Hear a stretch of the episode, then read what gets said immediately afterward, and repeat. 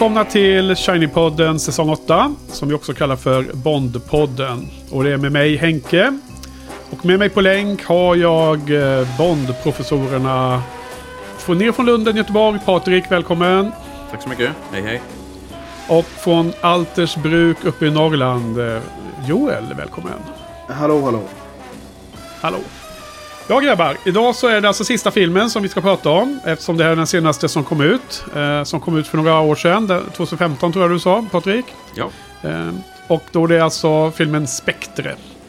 Och eh, vi går ju alla och längtar efter den 25an som ska komma nu i höst då, då som det senaste budet var. Eh, men det här blir sista filmen på den här poddsäsongen. Och eh, detta är då näst sista avsnittet. För att nästa måndag då, eh, om en vecka, så ska vi ha lite avslutningskalas. Eh, och fira lite de bästa filmerna och prata lite om favoritgrejer från serien och sånt. Men eh, ja, jag tror att vi ska kasta oss in i dagens film faktiskt med en gång. Om, om det kan passa mina herrar. Mm. Eh, och eh, ska vi försöka då att komma ihåg att köra en mission briefing. som vi ibland eh, glömmer av, men ibland har vi med. Så jag tror Patrik har förberett något under, eh, här i, eh, under natten fram till idag. Något om detta Ja. ämne. Någon, någon tänker jag gärna få till. Jag vet inte hur bra det blir. Ja. Men ja. Eh, denna filmen då. Bond har fått ett sista uppdrag av Judi Dench M. Som kom efter hennes död. En, en, jag vet inte om det var en CD-skiva eller gammal VHS eh, som kom i posten. Eh, som leder honom till slut till den mystiska organisationen Spektre. Samtidigt i London får den nya M problem då hela underrättelsetjänsten ska moderniseras och 00-sektionen ska tas bort. Bond möter till slut ett spöke från förr i Marockos öken innan filmen får sin uppgörelse i London. Som för övrigt är första gången som de avslutar filmen i London. Just. Andra gången de avslutar filmen i Storbritannien överhuvudtaget. Eh, Skyfall är den första som avslutats i Storbritannien. Ja, okej. Precis. Eh, det var ju då förra veckans film och den avslutas upp i Skottland där ja. Eh, På Skyfall. Eller, eh, Precis. ja, det gjorde den då på något sätt. Eh, vad heter det? Ja, men det har gått en massa år här mellan de här filmerna va? Ett långt hopp, eller hur var det Patrik? Ja, tre år i alla fall. Um, så ett uh, eh, litet hopp är det ju. De, de, Skyfall blev ju uh, helt uh, magisk uh, succé. Den kom ju till... Um, jag tror den landade in på den sjunde mest inkomstbringande filmen någonsin. Inte räknat inflationen och sånt då. Så, sjunde, så att de, de vill ju göra en ny med Sam Mendes direkt liksom. Men, eh, han, men Sam eh, Mendes var upptagen. Han hade andra projekt på, på gång där med eh, mycket teater och sånt. Och även den här eh, grymma tv-serien Penny Dreadful. Jag vet inte om ni har sett den. Men, eh, så den eh, gick han vidare till då. Så att, är det bra eller var det ironiskt? Nej. Nej, jag gillar den. Jag gillar den jättemycket. Det kom en, en uppföljare till den när den utspelade sig eh, i, USA nu för något år sedan. Som var, den, den behöver ni inte se, men eh, den här var bra. Penny Dreadful. Eh, Eva Green är med bland annat och eh, Timothy Dalton är med också och lite sånt. Eh, men hur som helst, eh, E.ON-producenterna eh, de passade på. Eller vill du säga något där om den? Nej, nej, jag bara som funderar på. Var det någon slags gothic-era eh, Penny Dreadful eller? Ja, precis. Det Viktoriansk. utspelar sig på... Precis i London där med lite kända monsters. Eh, Okej. Dr. Frankenstein och, och eh, några till. Doktor... Ehm, nej, så, så E.ON passade på också att göra lite andra produktioner faktiskt medan de väntar på honom. De brukar ju inte göra det, men de har faktiskt gjort det mer och mer nu de sista åren. En del teaterproduktioner de med och någon film och sånt. Ehm, så att, eh, ja, när de väntade in Mendes och sen så när han eh, var redo så körde de. Bra. Nu jävlar ska det bli lika bra som Skyfall. Ja, Så um, vad, vad tycker vi om den här filmen då? Jag låter Joel börja idag då. då så, vi, så vi får en mer eh, sansad eh, bedömning eh, som, vi, som vi inleder med. Ja. Ehm, nej, det... Det, det, det, är, det är konstigt att det alltid... Det är konstigt att det alltid blir så här till slut. Eh, grejen är ju att... ehm, alltså det, den, för, för mig påminner ju den här väldigt mycket om Die Another Day. Eh, att det är ju liksom en film som... Eller så här, så här. Jag har en grundteori faktiskt. Ungefär som med Die Another Day. Där, där jag tror varför det blev som det blev. Och jag tror så här. Jag tror att Daniel Craig var så jävla frustrerad över att alltid få spela de här diskbänks slash Nolan Bond liksom. Och han kände bara så här. Fan nu måste jag få min riktiga Bond-film. Så han gick liksom in till The Broccolis och sa bara nu jävlar alltså. Nu är jag så jävla trött på att vara den här äh, Bond som aldrig får bruden och som inte har en cool henchman att fightas mot och inte har liksom en supervillain att fightas mot. Och jag har inga gadgets. Ja. Jag bara får aldrig ha några coola gadgets eller någonting. Så att nu, ska det bli något nu, då ska det, då måste det bli så här liksom. Och så sen så visar... Nej men alltså det, det tyvärr alltså det är... Alltså återigen då. Jag tycker att Quantum of Solace var så jävla underbar. Jag tyckte att den satte liksom hela moderna Bond på... På ett bra sätt. Och så sen så valde de ju då att bryta mot det i Skyfall som ju blev väldigt framgångsrik. Ehm, så att om de började liksom tampra med de här små Bond-grejerna som är typiska för Bond i den filmen så går de ju total jävla overload här. I den här filmen. Jag menar till och med biljäveln som de sprängde i, i Skyfall. Den ska ju naturligtvis byggas upp igen också. Ja, Så det är liksom så- rätt, I, retconar hela- bara ratten var, var kvar eller något sånt. Ja, jo men det är liksom så här retconar ju hela slutet med Skyfall när, den, när den sprängs liksom. Så att... Eh, nej, alltså det, det finns... finns ehm, Finns, alltså den, ja, jag vet inte, Henke har ju nu peggat upp det som att jag skulle vara så otroligt mycket mer positiv än Nej, Patrik. Eh, men, men, men jag var nyfiken på vad du skulle säga. Men när du börjar prata om Die Another Day, vad är det du jämför med? Det, eh, kan jag tolka det som att du menar att det finns en ganska bra eh, inledning, första halva av filmen och sen eh, jump the shark på någon, någon ställe och sen blir det bara kast efter? Nej, eller, alltså det är samma pro- håll eller? Problemet med den här Var är det ju... det som var liknelsen, tänkte jag? Ja, nej alltså jo men det finns... Eh, det finns... Jag har, jag har, nu, nu har jag faktiskt inte skrivit upp det i mina notes men jag för mig att jag hade någon... Alltså ja, alltså Jump to Shark moment är ju när man får reda på att liksom Bond och Blofeld är liksom mer eller mindre halvsyskon typ. Eh, Ja, inte, inte, inte, inte, eller alltså styv, eller vad fan kallar man det när man inte är blood men man är ändå syskon typ. Det är ju, och det, och det kommer ju fram, alltså den, den grejen kom ju relativt tidigt. Jag kommer ihåg att när jag satt och kände bara det här när, när revealen kommer att eh, Blowfelt nämner honom vid namn vid Spectre-mötet. Så blir Ja. det så här... Um, jag bara, jag bara satt och tänkte, ja men gå inte den jävla vägen och börja att För då blir det det här Star Wars syndrom i Bond liksom. Att allting handlar om Skywalkers. Och nu är det, nu handlar allt om Bond. Hela världen är Ja. så jävla liten. Tokigt. Bra Tokigt, liknelse ja. där, eh, måste jag säga. Ja, men eh, det kanske är en lämplig öv- överlämning till Patrik. Vad tycker du om filmen då? Ehm, låt mig börja eh, med det som Joel började med. Ehm, för när Sam Mendes... Han kände ju även det att allt han hade tänkt att lägga in i en Bondfilm hade han ju lagt in i Skyfall. Så han var också lite sådär, vad ska jag göra nu? Och då satt han och pratade med Danny Craig. Och det visade sig att båda, bådas första Bondfilm de hade var Leva, låta dö.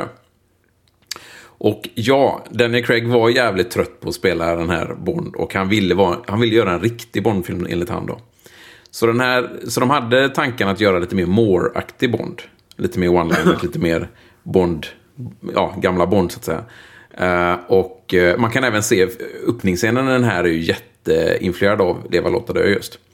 Eh, vi kan Just det. eventuellt återkomma till det. Så, men, oh, men de har ju liksom istället för ja, Voodoo och Day of the Dead lite sånt. Och sen så är ju eh, Bond ju utklädd till typ någon slags Baron Samedi eh, från den filmen. Har hög hatt och eh, dödskalle och sånt. Ehm, så de, jag känner att de vet väl inte riktigt var, eh, var de ska landa i den här filmen. Det, det är varken fågel eller fisk liksom. Ehm, men eh, jag satt också och funderade på, jag är ju inte jättepositiv till den här filmen då. Jag satt också och funderade på var, var vänder filmen, liksom går från bra till dålig. Eh, och då tänkte jag det, att är det när de avslöjar det här då som, som eh, Joel säger. Ehm, men jag tycker det är ändå ganska rätt sent i filmen. Men jag kom fram till att nej, det var inte där som, som det vände. Eh, så jag eh, har gjort en, gjort en hel lista på där det eventuellt vänder. Och det, det finns många sådana där. Här blir det jättedåligt. Och sen blir det ännu sämre. Ja, berätta, berätta. Utveckla. Jag, jag, tror att, jag tror att det första som, det första indikationen på att någonting är fel är ju att Pre-titled börjar ju jätte, jättebra med den här långa eh, filmningen. Eller till synes långa filmningen ska jag säga då. Prologen, ja. ja. Men när han ramlar ner och landar i en, i en soffa. Då, då känner man så här, nej men vänta lite där, någonting är inte riktigt rätt här. Ja, Och just det. sen Det blev så en spoof, en spoof helt plötsligt. Ja, men precis. Och sen så är det så jättekonstigt. Han slåss i den här helikoptern och så börjar han helt plötsligt attackera helikopterpiloten. När de är under låg... De är på låg höjd över en jättefolkmassa liksom. Det, är helt, det, det finns ingen anledning för honom att... att Ja, men det var ju, det var ju nere i Mexiko. Det är bara massor med bad hombres där nere ja, de såg ganska glada ut, de home receive när de sprang kring med. Nej, men sen, sen så i nästa del, 22 minuter in, eh, då det verkligen börjar braka illa ut, då får han den här lilla, lilla lådan. Allt det här, det är det enda som är kvar i Skyfall. Den här lilla lådan. I den här lilla, lilla lådan så hittar han ett eh, papper som då uppenbarligen inte brunnit upp. Och just det här pappret är liksom eh, grunden till, eh, till hela tvisten, liksom. Och att han då skulle, att den här Hannes eh, Oberhausen skulle vara hans förmyndigare. Och här har de ju verkligen eh, eh, brutit mot eh, allt som heter med bokbond. Liksom. Ja. Så är det ju inte alls. Att du, jag förstod att du inte skulle eh, ta emot det här väl alltså. Nej, han- Skar, han- skar som knivar i mig när jag såg det. Ja, alltså jag... Ehm, Ja. Nej, alltså så var det ju givetvis inte. Han hälsade på den här Hannes Oberhausen och, och han nämns i böckerna. Och det är ju jättekul att de tar med honom, men man vill fan ingen jävla förmyndare.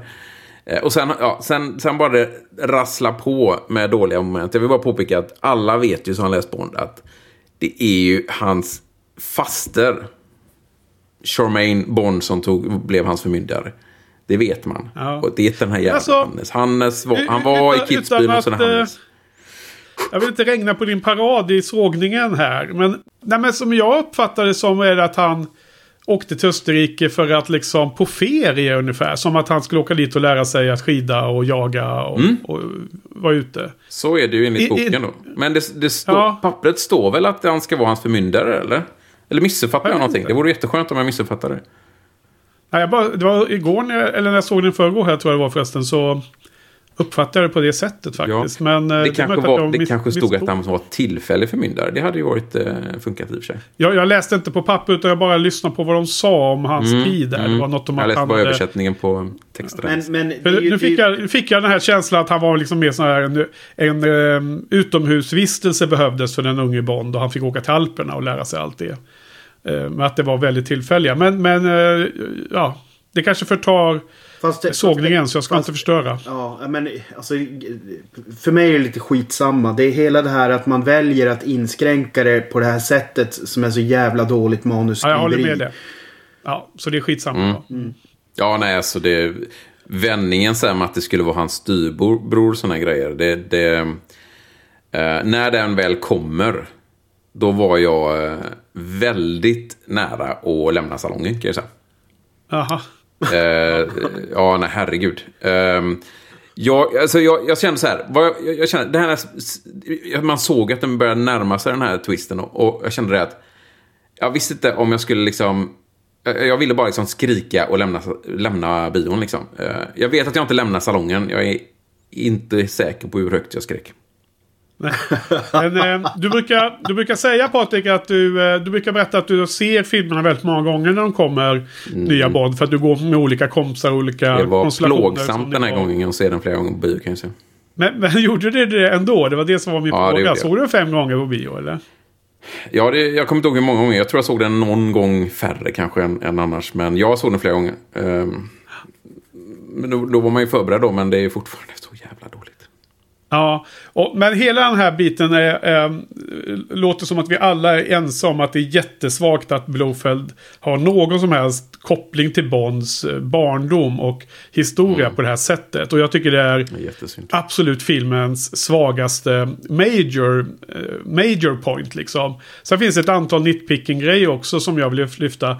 Jag kan väl Ja. bara säga så här att jag var, jag var lite lätt positivt faktiskt överraskad. För att jag var Härligt. så himla inställd på att det här skulle vara botten 3. Att jag faktiskt insåg att den på samma sätt som jag upplevde när jag såg om Die Another Day. Så, så såg jag liksom ett antal bra scener som sen man, man kan liksom skita i helhetsintrycket och, och se vissa bra sekvenser. Och jag, jag, jag tyckte det var ganska underhållande ganska länge och, och det fanns en del starka scener där. Um, jag menar, um, snygga scener. Jag tänker framförallt på i Rom med Monica, Monica Bellucci eller vad hon heter. Uh, väldigt bra scen. Jag gillar också scener med Mr. White och jag gillar vissa scener med um, Lea, eh, vad nu heter, ja, Bondbruden den här filmen då. Mm, då. Mm. Eh, doktor, ja, jag har glömt alla namn, jag har inte skrivit upp dem. Madeleine Swan heter hon? hon? Eh, jag kan inte uttala hennes riktiga namn på eh, franska, men... Sedou eller något sånt där? Seydo, ja, något, något åt det Ja, vill. just det. Swan, Dr. Swan, precis. Ja. Nej, så att jag var faktiskt, det var, jag blev milt eh, positivt överraskad just för att jag hade så grymt låga för, eh, förväntningar. Och Eh, en anekdot från när jag såg filmen, för jag har ju sett den som normalt brukligt en gång på bio. Eh, jag gick med eh, Johan och Marcus tror jag det var. Och vi såg den på IMAX i Solna, eh, Mall of Scandinavia. Och jag hade lyckats bli, vara helt blank när det gäller hur filmen hade mottagits recensioner eller någon annan typ av eh, du vet, Twitter eller Facebook. Ingenting. Så att Härligt. jag gick in och satt med så kommer ihåg att jag verkligen tänkte på det här att den här filmen kan vara hur bra som helst eller hur dålig som helst. Och allt ska bara ja. revealas nu i den här titeln. Och det var en så otroligt skön känsla att sätta sig ner. Att se en film. Ja, men det är härligt.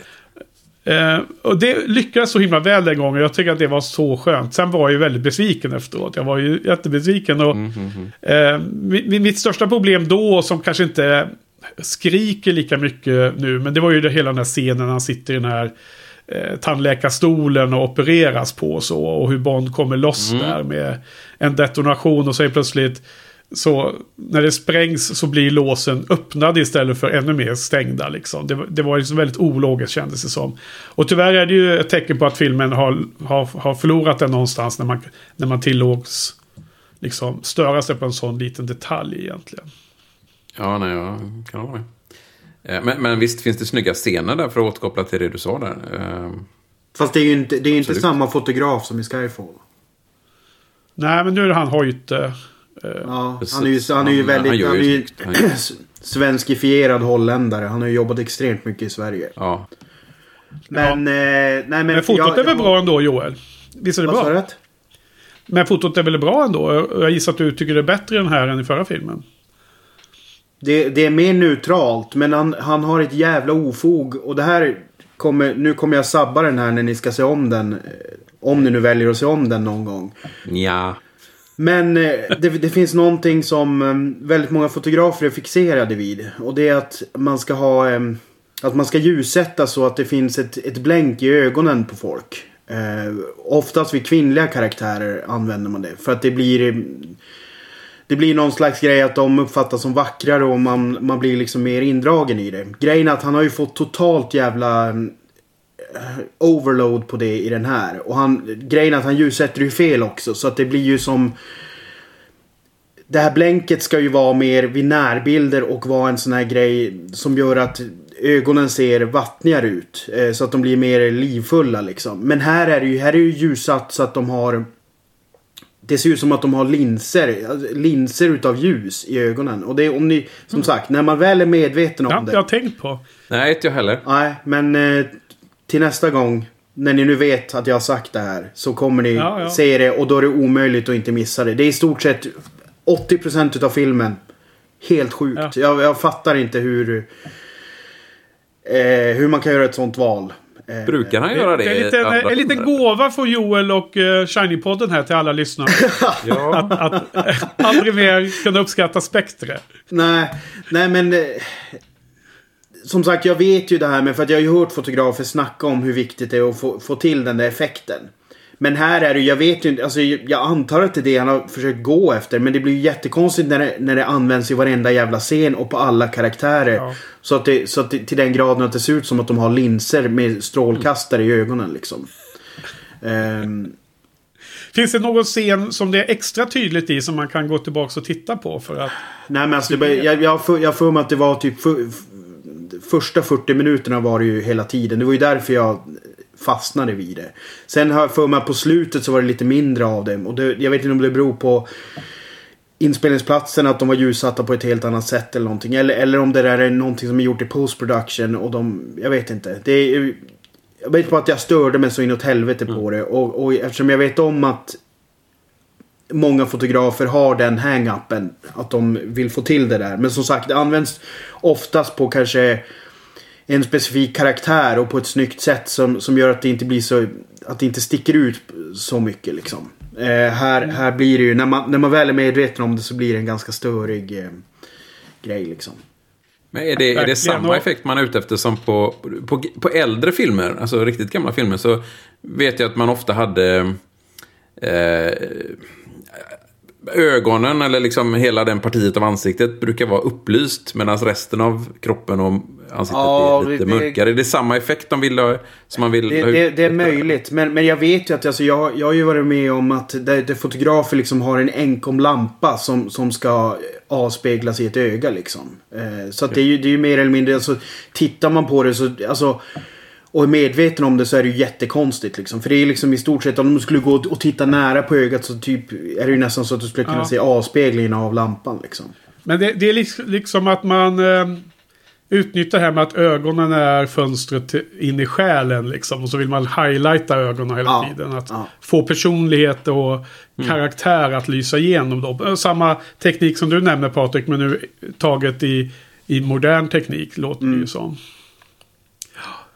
Ja, men det var ju, var ju, mm, det var ju nesligt att det var så illa. Jag menar, eh, gör han den här typen av tricks i alla sina filmer tror du? Eller Hoyte, Van Hoytema eller vad nu Nej, jag vet inte. Jag, jag har bara... Ja, det ska bli intressant nu. Han har ju han har gjort den här Interstellar. Så att det... Mm. det hade Jag såg ju... om den förra helgen faktiskt. Eh, Ja. Fortfarande bra, men jag, jag, jag måste börja tänka på det här med grejerna. Vadå, så, såg du den med dottern eller? Nej, jag såg den själv. Nej, hon är för ung. Ja, det är ju Ja, knappt han- att man vågar kolla om Interstellar nu när man har det här i åtanke. Men det kan, jag vet, det, det, det kan mycket Men väl Patrik sa just att den höll ju. Vad sa du? Du sa att den höll. Men du sa just att den, den höll ju. Den var fortfarande bra sa du Patrik. Jo, jo, men jag har inte tänkt på eh, några Ah, strålkastarögonen. aspekten. Liksom. Ja, ja. Nej, nej. Hur är det med Tinker Tailor Soldier Spy? F- Filmar han inte den också? Vet du det Joel? Eh, kanske han gjorde. Jag är osäker. Ja, nej, det, Du, alltså, jag, Jag har ju inte sagt- internet på sidan här.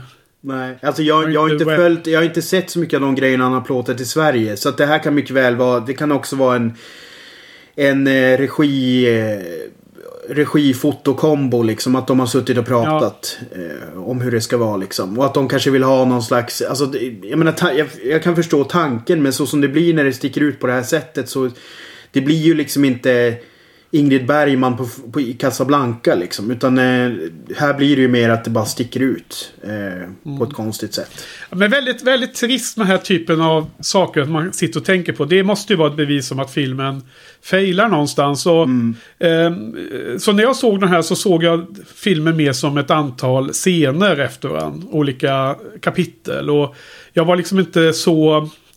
eh, hade ingen, jag var inte fokuserad på helhetsstoryn eller helhetspresentationen.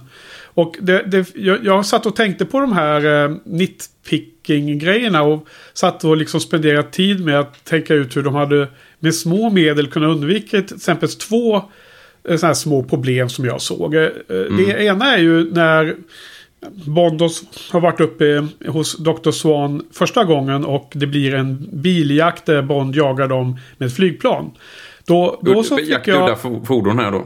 Eh, Ja, verkligen. Men, men som jag tycker ganska dålig eh, actionsekvens. Definitivt. Eh, och jag såg på någon sån här video di- diary som fanns med på Blu-ray där de var så jävla hypade över att detta var den mest badassiga actionsekvensen ungefär i världshistorien. Men antingen så hade jag somnat till en liten stund, men det, jag tror inte att jag sov i den här filmen. Men jag såg aldrig att det fanns något plan i närheten och nu sitter jag bara och undrar så här, var hittar Bond ett flygplan att stjäla uppe på en alptopp liksom helt plötsligt? Han, bara, han, han går ut ur bild och han kommer tillbaks flygandes liksom. Och det känns som att Han, det är lite så här... men Ja, flög du han inte svar. dit?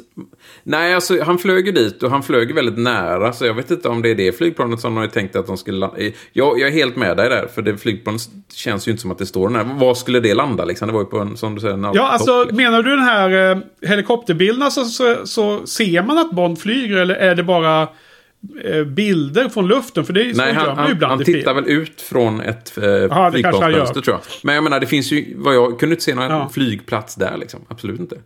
Det, det vore så enkelt att, att etablera att det fanns ett flygplan på någon form av laddningsstartbana Ja, precis närheten. bakgrunden Bara en litet, en liten, liten bara hint om den så att man liksom inte stört sig. Samma sak är det när han, när han eh, med klockan exploderar och han kommer fri från den här eh, tandläkarstolen. Det är liksom att, bara en liten, liten kommentar om att, någonting om att hans Hans, eh, hans lås där runt handleder och fotleder och så kanske är liksom typ magnetiskt drivna av elektriskt fält eller sånt där. Så att man förstår vad som händer när klockan smäller. För nu, nu smäller klockan och Blowfeld kastas undan.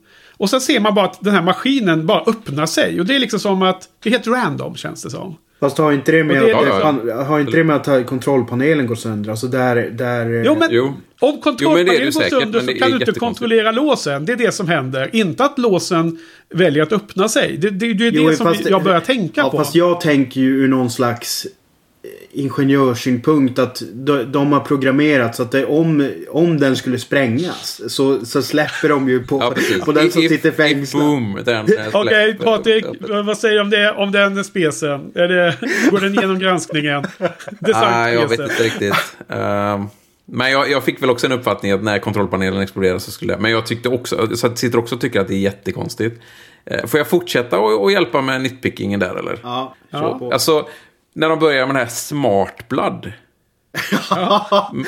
och, och, och där känns det liksom bara, men de gjorde ju exakt samma sak i Casino Royale. Fast då var det ju inte smart blood, då, då, då var det ju en, en liten ampull med, med något GPS-chip eller någonting, något aktivt.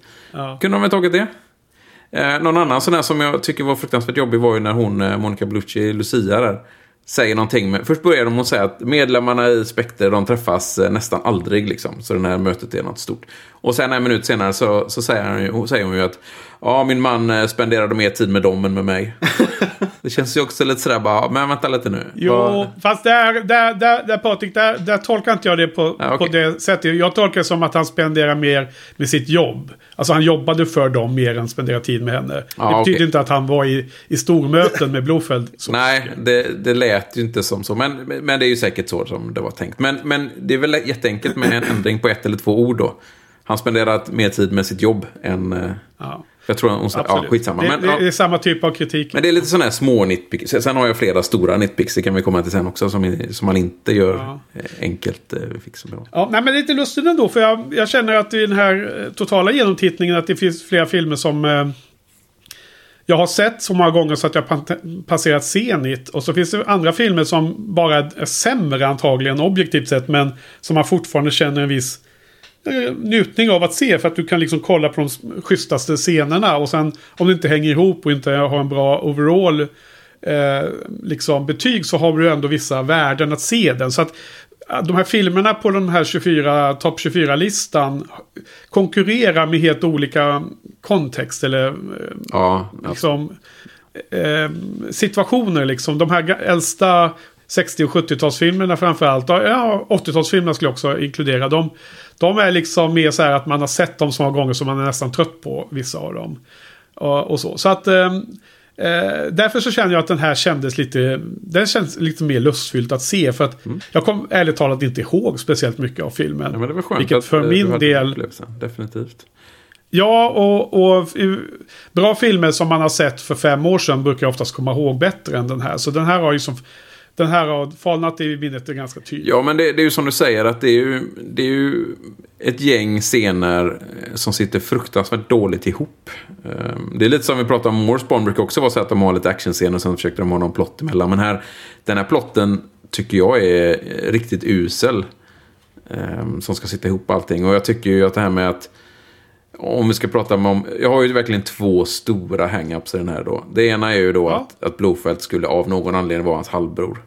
Det är, det är så fruktansvärt dåligt. eh, Speciellt när man kommer från Bokbond då. Och jag förstår inte hur producenterna som ändå kan... De, de säger det hela tiden. När vi inte vet vad vi ska göra ska vi alltid gå och läsa om böckerna. Liksom. Och jag förstår inte hur de ens kunde tillåta det här. Eh, Men det är ju den ena då. Den andra är ju... ehm, att alla Craigs Bond-filmer helt plötsligt hänger ihop med att Spectre ligger bakom. Mm. Eh, och det pratade vi lite om, eh, det var väl när vi pratade om Quantum, va, som eh, de, de skulle bara skippat det liksom. Eller också om de hade en långsiktig plan med det så skulle de ju så skulle de inte haft med Quantum överhuvudtaget. De hade bara haft en, eh, en onämnd organisation som ligger bakom. Så de har liksom Ja. försökt både och. Liksom. Dels ska det liksom, åh, Quantum ligger bakom de två första filmerna. Och sen helt plötsligt så, så, så ska Spectre ligga bakom allt. Eh, Men och det- jag tycker väl- att de gör Ja, det men jag, håller, jättedåligt. jag håller helt med på det. Och du också Joel, eller? Den- Ja, den- fast det, det blir väl en efterkonstruktion för dem. Ja, så som jag nu tolkar precis. det så är det ju att Quantum är ju en utav Blackfisk-armarna typ. Ja, och jag förstår ju att de vill ha in Spectre. De äntligen nu, eh, Kevin McClory är död och liksom, de har köpt alla rättigheter de kan. Liksom. Så att jag förstår ju att de verkligen vill in Spectre. Jag vet Sam Ja, Mendes var också... får de använda det. Liksom.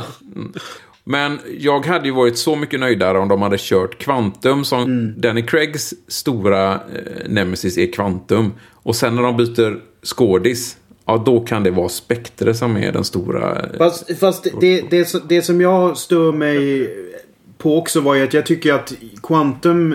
I, i Quantum of Solace så gjorde de liksom Spectre så som det bör vara nu mera. Alltså om man tänker i vårt samhälle nu. Och det innefattar ju även hela den här plotten på slutet med, med att alla alla säkerhetsunderrättelsetjänster kommer använda deras programvara. Det tycker jag också faller i, i väl med Quantum-organisationen. Precis. All, Men- alla ska använda Huaweis eh, mjukvara. Exakt. Ja, så, Men- så, men- så blir men- det bra för världen. Men grejen är ju att på det där jävla spektermötet Då sitter de ju typ och redovisar som de gjorde i åskbollen typ.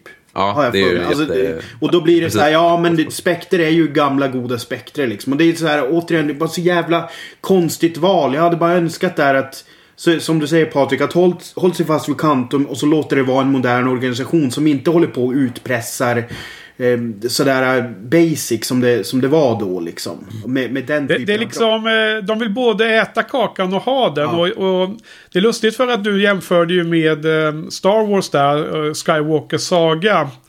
Eh, och jag kan se Ja. vissa andra liknelser på problem med den här filmen, precis som det var i slutet på, eh, eh, speciellt i Episod 9, att det verkar som att de prioriterar eh, så här eh, fanservice över ordentlig storytelling. De vill göra reveals och ha tiebacks tillbaks till historien i Bond-franchise för att liksom eh, plisa istället för att tänka ut en riktigt bra story för modern Bond. Och därför ska de ha med Blofeld och Spectre och de ska ha med alla de här kopplingarna tillbaks till, eh, till gamla filmer för att göra tie-ins och göra så här att publiken ska stå upp och jubla i, i, eh, i raderna. Men resultatet blir att de riktiga fansen ställer sig upp, inte för att jubla utan för att nästan gå ut ur bion. Precis. Eller? Håller ni med? Jag menar, det, Ja, ja, nej. Ja, jag håller helt med. Absolut. Liksom episod 9 är liksom, kunde ha varit mycket bättre om man hade gjort en tajtare story istället för att försöka knyta ihop allt på ett helt onaturligt sätt som det blev. Liksom helt oplanerat känns det som och bara så här att nu har vi de här grejerna på bordet, låt oss kasta in allting liksom. Och och helt plötsligt nu när ni sitter och beskriver den här filmen så får jag samma vibbar. Så jag gör, jag gör den här kopplingen här och nu, mitt i poddningen. Men, liksom. men, jag men sen, sen blir det ju också konstigt det här med att Silva skulle ha varit en del utav Spectre. För han var ju en sån Ja. jävla loose cannon liksom. Precis, och han, hela hans film Ja. handlar ju om att han, han ville hämnas på, på M. Så hela den bara fallerar. Som, jag brukar säga det här att det här är som en, som en Highlander 2. Som är så dålig så den nästan förstör ettan liksom. Det är lite så liksom, för, för den förstör ju Skyfall lite grann här. Bara för att, jaha nej, han var inte, han var hämnd och det råkade sammanfalla med att han var en spektragent också. Och, Ja. Mm. Ja, herregud. Ja, grabbar. Eh, jag vet ju Jag har- att... Eh, Jag har några, några frågor som jag tänkte ni kunde hjälpa mig med. Några sådana hang-ups. Som ni kanske kan förklara för mig. Jag börjar med den enkla. Ehm, när, de, när han kommer till Marocko eh, i, i den här kraten, hans högkvarter. Eh, Bond och eh, Miss Swan. Eh, så, hur hur så har är det väl ganska... dit? Ja. Ja, men så de är ganska självklart... eh, Det, det verkar som att man har väntat på dem, för han har ju liksom foton och liksom säkert kläder i deras storlek, precis som Dr. No i hans eh, lilla... eh, Där. Så det känns ju som att han var väntad, va? Och, och, Jo, jo. Så Varför försökte Mr Hinks döda honom på tåget? Ja. Kan ni förklara det? Han vill ju uppenbarligen att... För han vill ju göra den här revealen då, eh, Blåfält. Så varför... Men det, är ju bara, det finns ju ett enkelt svar på Ja, det tror jag. Det är ju bara för att det ska, det ska alltid vara en tågfight-scen i en Ah. Bondfilm. Ja, ja, ja, ja, ja, men det... Det, var därför det, det var därför det helt organiskt och naturligt hände i den här storyn. All right. Ja, men då. Men, men reagerar inte ni också på att det såg ut som att man hade privatbokat ett tåg? Ja, det är jättetomt. Alltså, Men det, det är ju tomt. Alla, det, tunnelbanetåget var också tomt. Det är liksom Ja, jo. så det funkar. ja, De har inte råd med statister. Men där, där fick man ju liksom sitta och spana. Men nu är det ju så här. Det är ju inte en käft på tåget förutom de två. Alltså och servitören typ. Ja, Okej, så vad är din tolkning där då, Joel? Berätta. Nej, alltså jag, jag vet inte. Alltså han, de, dels kan det... Alltså... Ja, de tycker väl att det var rörigt att ha statister där eller någonting. Jag vet inte. När, när Hoyte säger att han behöver lite space när han ska fota och så Mendes tycker att det är konstnärligt snyggt att det ser ut som att de liksom har hyrt in jag vet, jag vet inte, jag kan, jag kan Ja. inte... Eh, för, för att hela det här med, med att det skulle vara någon så här Batman v Superman, att man inte liksom har sönder en hel stad. Som jag tolkar det med tåget i Skyfall, alltså i tunnelbanetåget där. Det, den... Jag, jag, jag köper inte att det skulle vara av en sån anledning här liksom. Det känns ju bara som en sån otroligt steril studiomiljö när det blir sådär. Ja. Det är ju vad det är. Ja, jag för att de, vågar ju inte ens visa... Det, De vågar inte ens visa fönstren. Utan eh, så att, så att man ser att tåget rör sig. Utan det är ju nedstängt. Så att det är ju, det är ju studioinspelat. Jo. Nej, jag har svårt, jag har inget svar på den frågan såklart. Man kan ju bara spekulera vilt och säga, jag menar, jag, jag undrar lite, missade jag också när Bond fick reda på varför de skulle åka tåg och kliva av i mitten av nowhere ute i öknen? Varför klev de av där? Och jag menar, nu råkar det komma en Rolls Royce och plocka upp dem. Ja. Men vad var, vad var Bonds plan? Jag fattar aldrig det. Den, varken första gången eller den här gången jag såg filmen. Ja, de klurar väl ut att han var vid den här kraten. va? Det var väl någon sändning. Men, men Ja, just men det, här var, med att de det åker var, tåg det till den här lilla GPS-position var det ja. Det var de här siffrorna han hittade i Mr. Whites kontor där. eh, Bakom väggen. Det var Ja, GPS-position. det var, så han åkte bara mot den positionen. Och, så, Och sen står han hans, eh, hans device sa att den här stationen verkar vara tillräckligt nära. Vi, vi kommer nog ingen annan tågstation som närmare. Precis. Och Det sen så vill han väl inte gå eller cykla då till Gren- kraten. Han säger jag chansar att det kommer komma en Rolls Royce och hämtar upp mig. Exakt. Liksom i... eh, Det kunde lika gärna varit så att M dök upp där med en liten... eh, Little Nelly liksom nummer två. Men det, den här gången så blev det bara vänta på att det kom en taxi. Ja, precis. Det, Men, men eh, okej. Ja, Den har jag jag har några frågor. Har du några fler frågor? Ja, jag har en stor fråga. Och det är den här att han snor ju ringen från den här Skiara i början. Ja. Och Q analyserar den och hittar uppenbarligen DNA från Skiara, Oberhausen, Silva, Green och Le Chiffre på samma ring. Kan Ja, ni förklara också, det? var, var inte Jesus Kristus med där också? var Ja, väl jag tror det. Alla, alla och deras mostrar var med. Jag fattar, jag fattar liksom inte hur logiken är där. De kunde väl hittat det på något annat sätt. Liksom. De kunde väl hittat det hemma hos Mr White eller någonting. Alltså, Ja. Men de har, de har väl någon ritual där att när ringarna delas ut då ska alla vara där och sticka in fingrarna. Hålla, liksom. Ja, exakt. Ja, alla, alla ska hålla den där. Det, det är Ja, men det är standard i manliga världen. det, det är ju helt obegripligt. Men du, ja det är jättekonstigt. Det finns ju förstås inget svar för det. Men tillbaks, vi, vi, vi besvarar ju aldrig din förra fråga. Mr Hinks eller vad han hette. Var, varför attackerar han Bond? Vad är ditt svar, Ja, Patrik? precis, precis. Mitt svar, det, det, det enda logiska svaret jag kan eh, tänka mig är att han, han blev så sur på Bond att Bond... Eller fan, han trodde ju Bond dog där i, i Rom. Eh, Min tanke var att han har gått rogue och liksom bara, nej men nu ska jag, nu ska jag döda Bond. Liksom, att Ja, han att han, han fortfarande är på sitt uppdrag. Han har inte fått en recall. Ja, just det. Mm. Men för grejen är, ser vi ens honom mer efter det där? Nej, jag tror, jag sitter och funderar på det. Jag vet inte om jag gör det va? Det kan gå direkt från Rom Nej, men till... för, för att gre grejen är ju så här. Han, ju- han påminner ju lite grann om Jaws. Ehm, Ja, ja, han säger ju inte om uh, Grant. Nej. en, en mening eller en Precis, ett ord. precis. Och, och grej, grejen är om ni, om ni tänkte på hur han åker ur tåget så är det ju som om det är eh, som en koppling till filmen Hajen. Det här med de här... Jag ähm, vet. eh, Tunnorna. att- Exakt. så att det ju... jag vet inte, det, det kanske var anledningen till att de ville ha den scenen. Att de ville ha den payoffen liksom. Jag vet inte. Ja. Mm. Okej. Har du några fler eh, obesvarade frågor Patrik? Eh, jag är inga som jag... eh, Nej, jag orkar inte. Nej. Vi är, lite, vi är lite all over the place, men det är en sån film som man får ha den typen av inställning. Jag måste bara fråga vad ni då tyckte om eh, eh, Dr. Swan, eh, Bondbruden då, vad heter hon nu då? Eh, Lea Seydoux eller vad hon nu heter. Eh, eh, kan någon av er eh, googla fram det? Jag har ju inte Google igång här i min setup nu. Hur det så uttalas? vad heter hon egentligen? Lea- Eh, vad hon heter? Läser då. Men alltså, Okej, jag, jag kan då inte säger jag franska. ungefär Så... rätt va? Mm, Nej, då säger jag franska, rätt ungefär i alla fall. Lea kan gå Det är bara lite, lite jobbigt om man sitter och säger helt fel namn hela tiden. Ni bara sitter och, och eh, är skrattar. tysta. ja, precis. Jo, men vad tycker ni om henne som Bondbrud? Jag menar, eh, vad kan jag säga? Jag, jag tycker hon är ganska bra. Jag menar, jag tror att hon är... Jag tror att hon är bättre skådis än väldigt många Bondbrudar vi har sett genom serien. Men eh, så att det är nog inte egentligen ett problem här. Men på något sätt tycker jag att hon är ganska blek. Alltså totalintrycket blir ändå att hon är blek. Och jag, det är en frustration jag känner över det. För det känns som att den skådisen eh, borde ha kunnat leverera ett djupare eh, porträtt av, av en eh, person som är eh, ganska intressant ändå för att vara en Bondbrud. Menar, hon har den här egna agendan, hon har den här kopplingen, hon, hennes pappa Mr White, hon har eh, egen...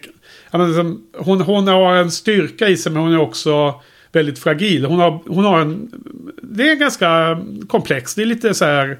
Det finns något komplext i henne men jag hade gärna sett att, att hon hade känts mer, eh, mer eh, påtaglig för mig. Vad tycker ni om henne? Jag håller helt Både med dig. Jag, jag, jag tror också att hon är... Det känns som att hon är en hyfsat bra skådis. Men man ser inte av det överhuvudtaget. Uh, också som en komplex karaktär som säger. Men nej, det, det, det, det kommer inte fram. Och jag tycker inte att eh, hon och, och Danny Craig har speciellt... eh, det är liksom ingen övertygande relation. Eh, det ska ju vara någon riktig kärleksrelation känns det som till slut. Inte bara Ja, liksom det så är här, inte och, någon Vesperlind-nivå på det här direkt ju. Nej, inte alls. De, de kopierar så här tågscener och annat Ja, och försöker göra det lite inte. samma va? Vad tycker du Joel? Eh, nej, men det, det största problemet är ju att Alltså åldersskillnaden tycker jag blir påtaglig här på ett sätt som är in, inte super convincing. Och det har väl, hänger väl ihop med att eh, Craig ville, ville ha sin liksom eh, Moore-film där han är 20 år äldre än sin leading lady liksom. Fast de, de kompenserar väl det sen då med Monica Bellucci va? Som ju var äldre än honom. Eh, jo, men, men Ja, hon, men är ju hon är- hon är ju liksom bihangs, eh, eller vad Ja, man jag ska vet. säga, one Ja. night stand br- bruden. Nej, men alltså jag, jag håller med er. Jag, jag tycker att hon, hon jag, jag gillar henne, men ehm, jag, jag hade ju föredragit mer en eh, slags pappa-dotter-kemi. Att liksom eh, Craig blir en, en ny pappa liksom. Ja. Pappafigur. det blir väldigt konstigt i Marocko där då. Då hade man fått ändra det Patrik. Jag håller med Ja, dig ja, ja, okej, okej. Spaning. Man hade, jag håller med dig Joel. Jag hade tyckt att det kunde ha blivit ett eh, jättespännande hade varit coolt. variation på Bond-temat. Men det stämmer ju inte överens om, om Craig som för övrigt står med som en av producenterna på den här filmen. På den här filmen får man tänka, får man, måste man inse också. Om han nu ville vara en Roger Moore-Bond, då stämmer det ju inte in i det. I det i den- Nej men alltså mi- mitt intryck, är ju, mitt intryck är ju att Bond, eller att Craig i, i tre filmer har känt frustration över att han inte får, får göra en liksom Moore eller Connery film liksom. Och det här är ju svaret på det. Och då, då, går, då går ju Broccolis in till arkivskåpet och kollar, ja men vad är formulan för Roger Moore-filmer? Och då, då, ska, då ska man ju kasta en som är 20 år yngre också typ. Ja, så problemet har kanske varit att det är Daniel Craig och Sam Mendes har blivit för tunga eh, jämfört med Broccoli och Wilson. Känns lite som det. det. Och speciellt, jag menar, de kan ju inte säga något heller med tanke på hur, hur eh, otrolig succé Skyfall blev. Så då kanske de släppte Hur, dem hur, med hur lite gick det för lösare. Spectre då? Spectre gick inte lika bra. Jo, Hur den gick det gick, den här? alltså, den gick ju inte lika bra. Men den, eh, jag tror den blev ändå fjärde bästa eh, inkomstbringande, faktiskt. Ja, så Ehm. cashen måste in. Cashen kom in också för den här. Ja, alltså, alltså mi- min fördom säger ju lite det. När, när du berättar att de väntade på, eh, på Mendes så blir ju min tanke lite så här att Okej, okay, han gör det för pengarna. Så att han kanske inte är så involverad i manus och förproduktion. Men att liksom så här, ja men de, de skriver manus, skickar till honom, han godkänner. Men att han kanske inte är så jävla drivande. Um... Jo, men det var han eh, faktiskt. Ah, okay. Han var med. Och, även, och det är ju därför Danny Craig får en produktion, producentroll här. Han, han var ju också med från första mötet, har han sagt. Liksom. Så han har ju också mm. varit med och drivande jättemycket eh, för ja, manus. Precis. Men, men, men det, det, hänger jag med på. Så, jag, men så det, jag det är Sam och, och, Craig som har ah, suttit okay. där och Det är de två. På. Jag, Precis jag, som du säger alltså. Ja. Precis. Ja, det är väl min, min förvåning är väl att, att uh, Mendes var så pass involverad. För det här känns som en typisk cash cash grab film. Eh, ja, utifrån sett liksom. I med för att även om jag nu var kritisk till Skyfall på många sätt så, så är ju den här ett snäpp ner på så många sätt liksom. Mm. Så. Nej, jag, tror, jag tror att det beror på att Sam Mendes är ju en stor Bond-fan och alla de tankar han hade hur han ville göra en Bond-film tryckte han in i Skyfall och sen satt han där tom i tanken liksom och mm. hade inga nya idéer. Och så blev det ja. så här. Och så, så ville han då göra någon slags more-film och så, så blev det bara konstigt liksom. Mm. Ja. Um, Okej. Okay. Um, ehm, nämnde just uh, Monica Belluccis uh, lilla inhopp här då, då. Hon har ju en, en av de här uh, rollerna som är så vanliga i Bondfilmer med en, en, eh, en kvinna som Bond eh, har i inledningen av filmen och som är med en kort stund och så vidare. Första ja, eller andra. Skurk, någon slags skurk. Ja, eh, som är på skurksidan dessutom. Det brukar vara mm. nummer två va? Om ja, det, hon är ju nummer två också. Alltså. Ja. Mm. ja, ettan är den ifrån prologen där då. Som ja, man har precis, en dejt med. Ja.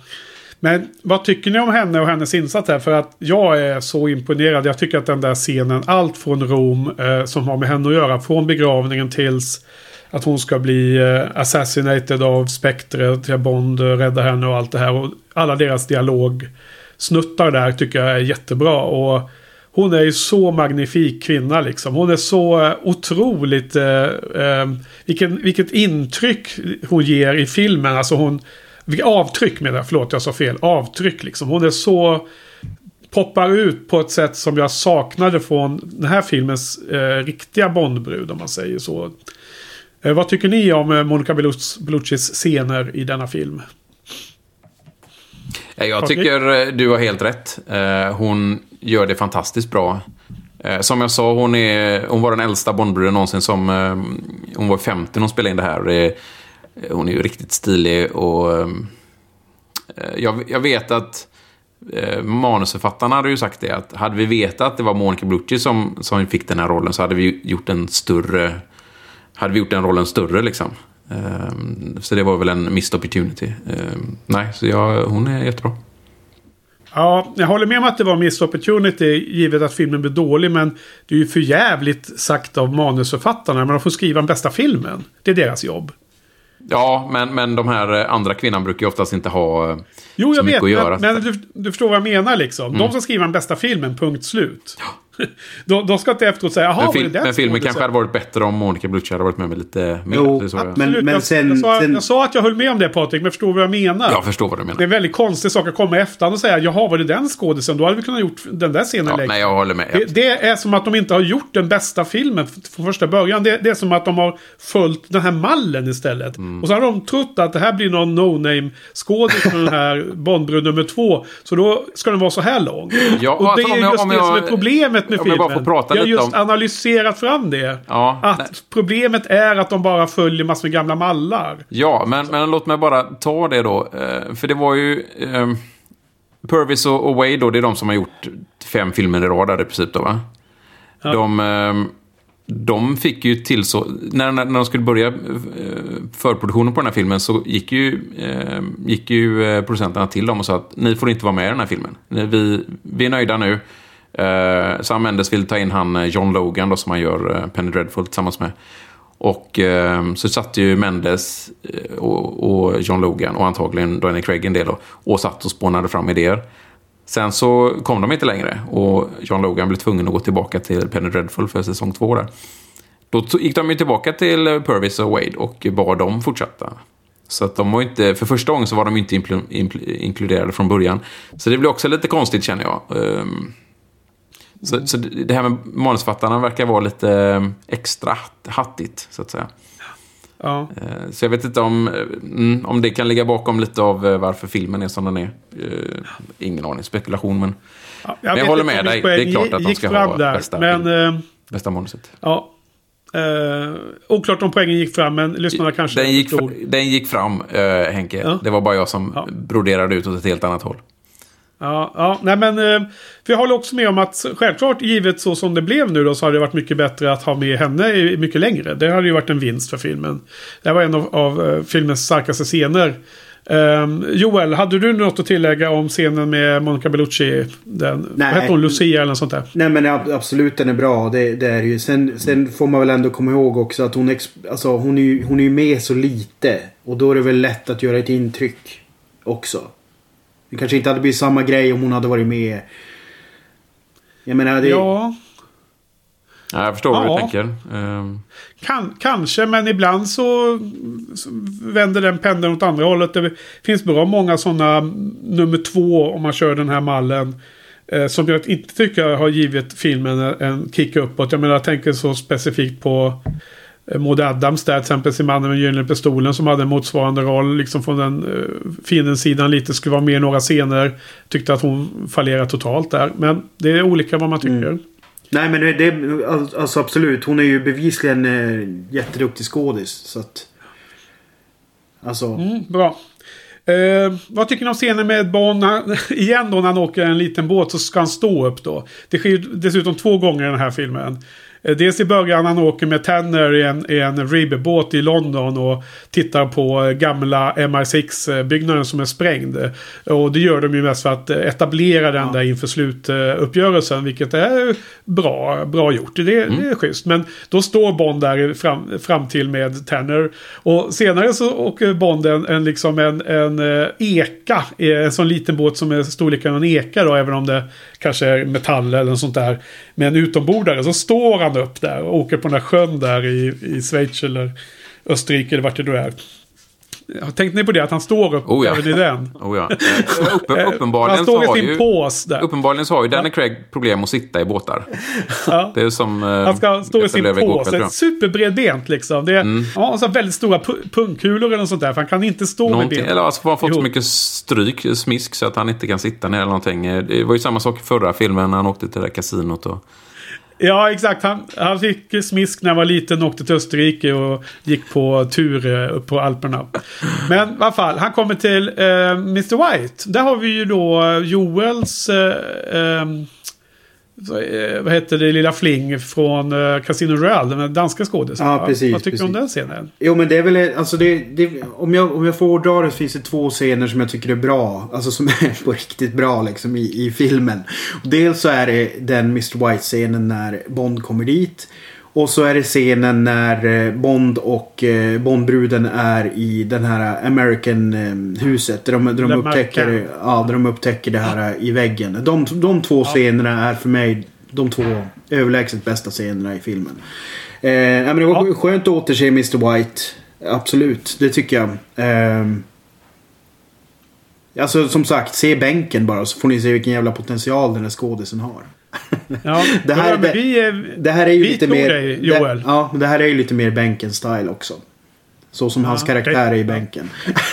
Ja, ja okej. Mm. Joel, eh, vad säger? Patrik, vad tycker du om scenen där från eh, Mr. Whites eh, hydda? Eh, Jag tycker den är, den är ju jättebra. Det är ju, just den är så stilla och lugn och allvarlig liksom. Och, ja. Eh, Kristiansson är ju Ja. jättebra liksom. Ja. Och jag håller med Joels assessment att det är de här två scenerna är bland mina favoriter då. Där jag adderar den med Monica Bellucci som jag nämnde då för någon, en stund sedan. Det är kanske de eh, starkaste scenerna jag kommer ihåg från filmen. Ehm, även om det är lite synd att Bond står och... Att kameran eh, hejdar sig för att visa oss att Bond lägger märke till övervakningskameran. Mm.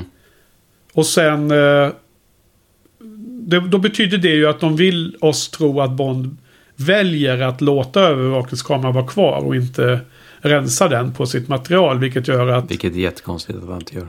Ja, för att det är därför eh, skurkarna vet...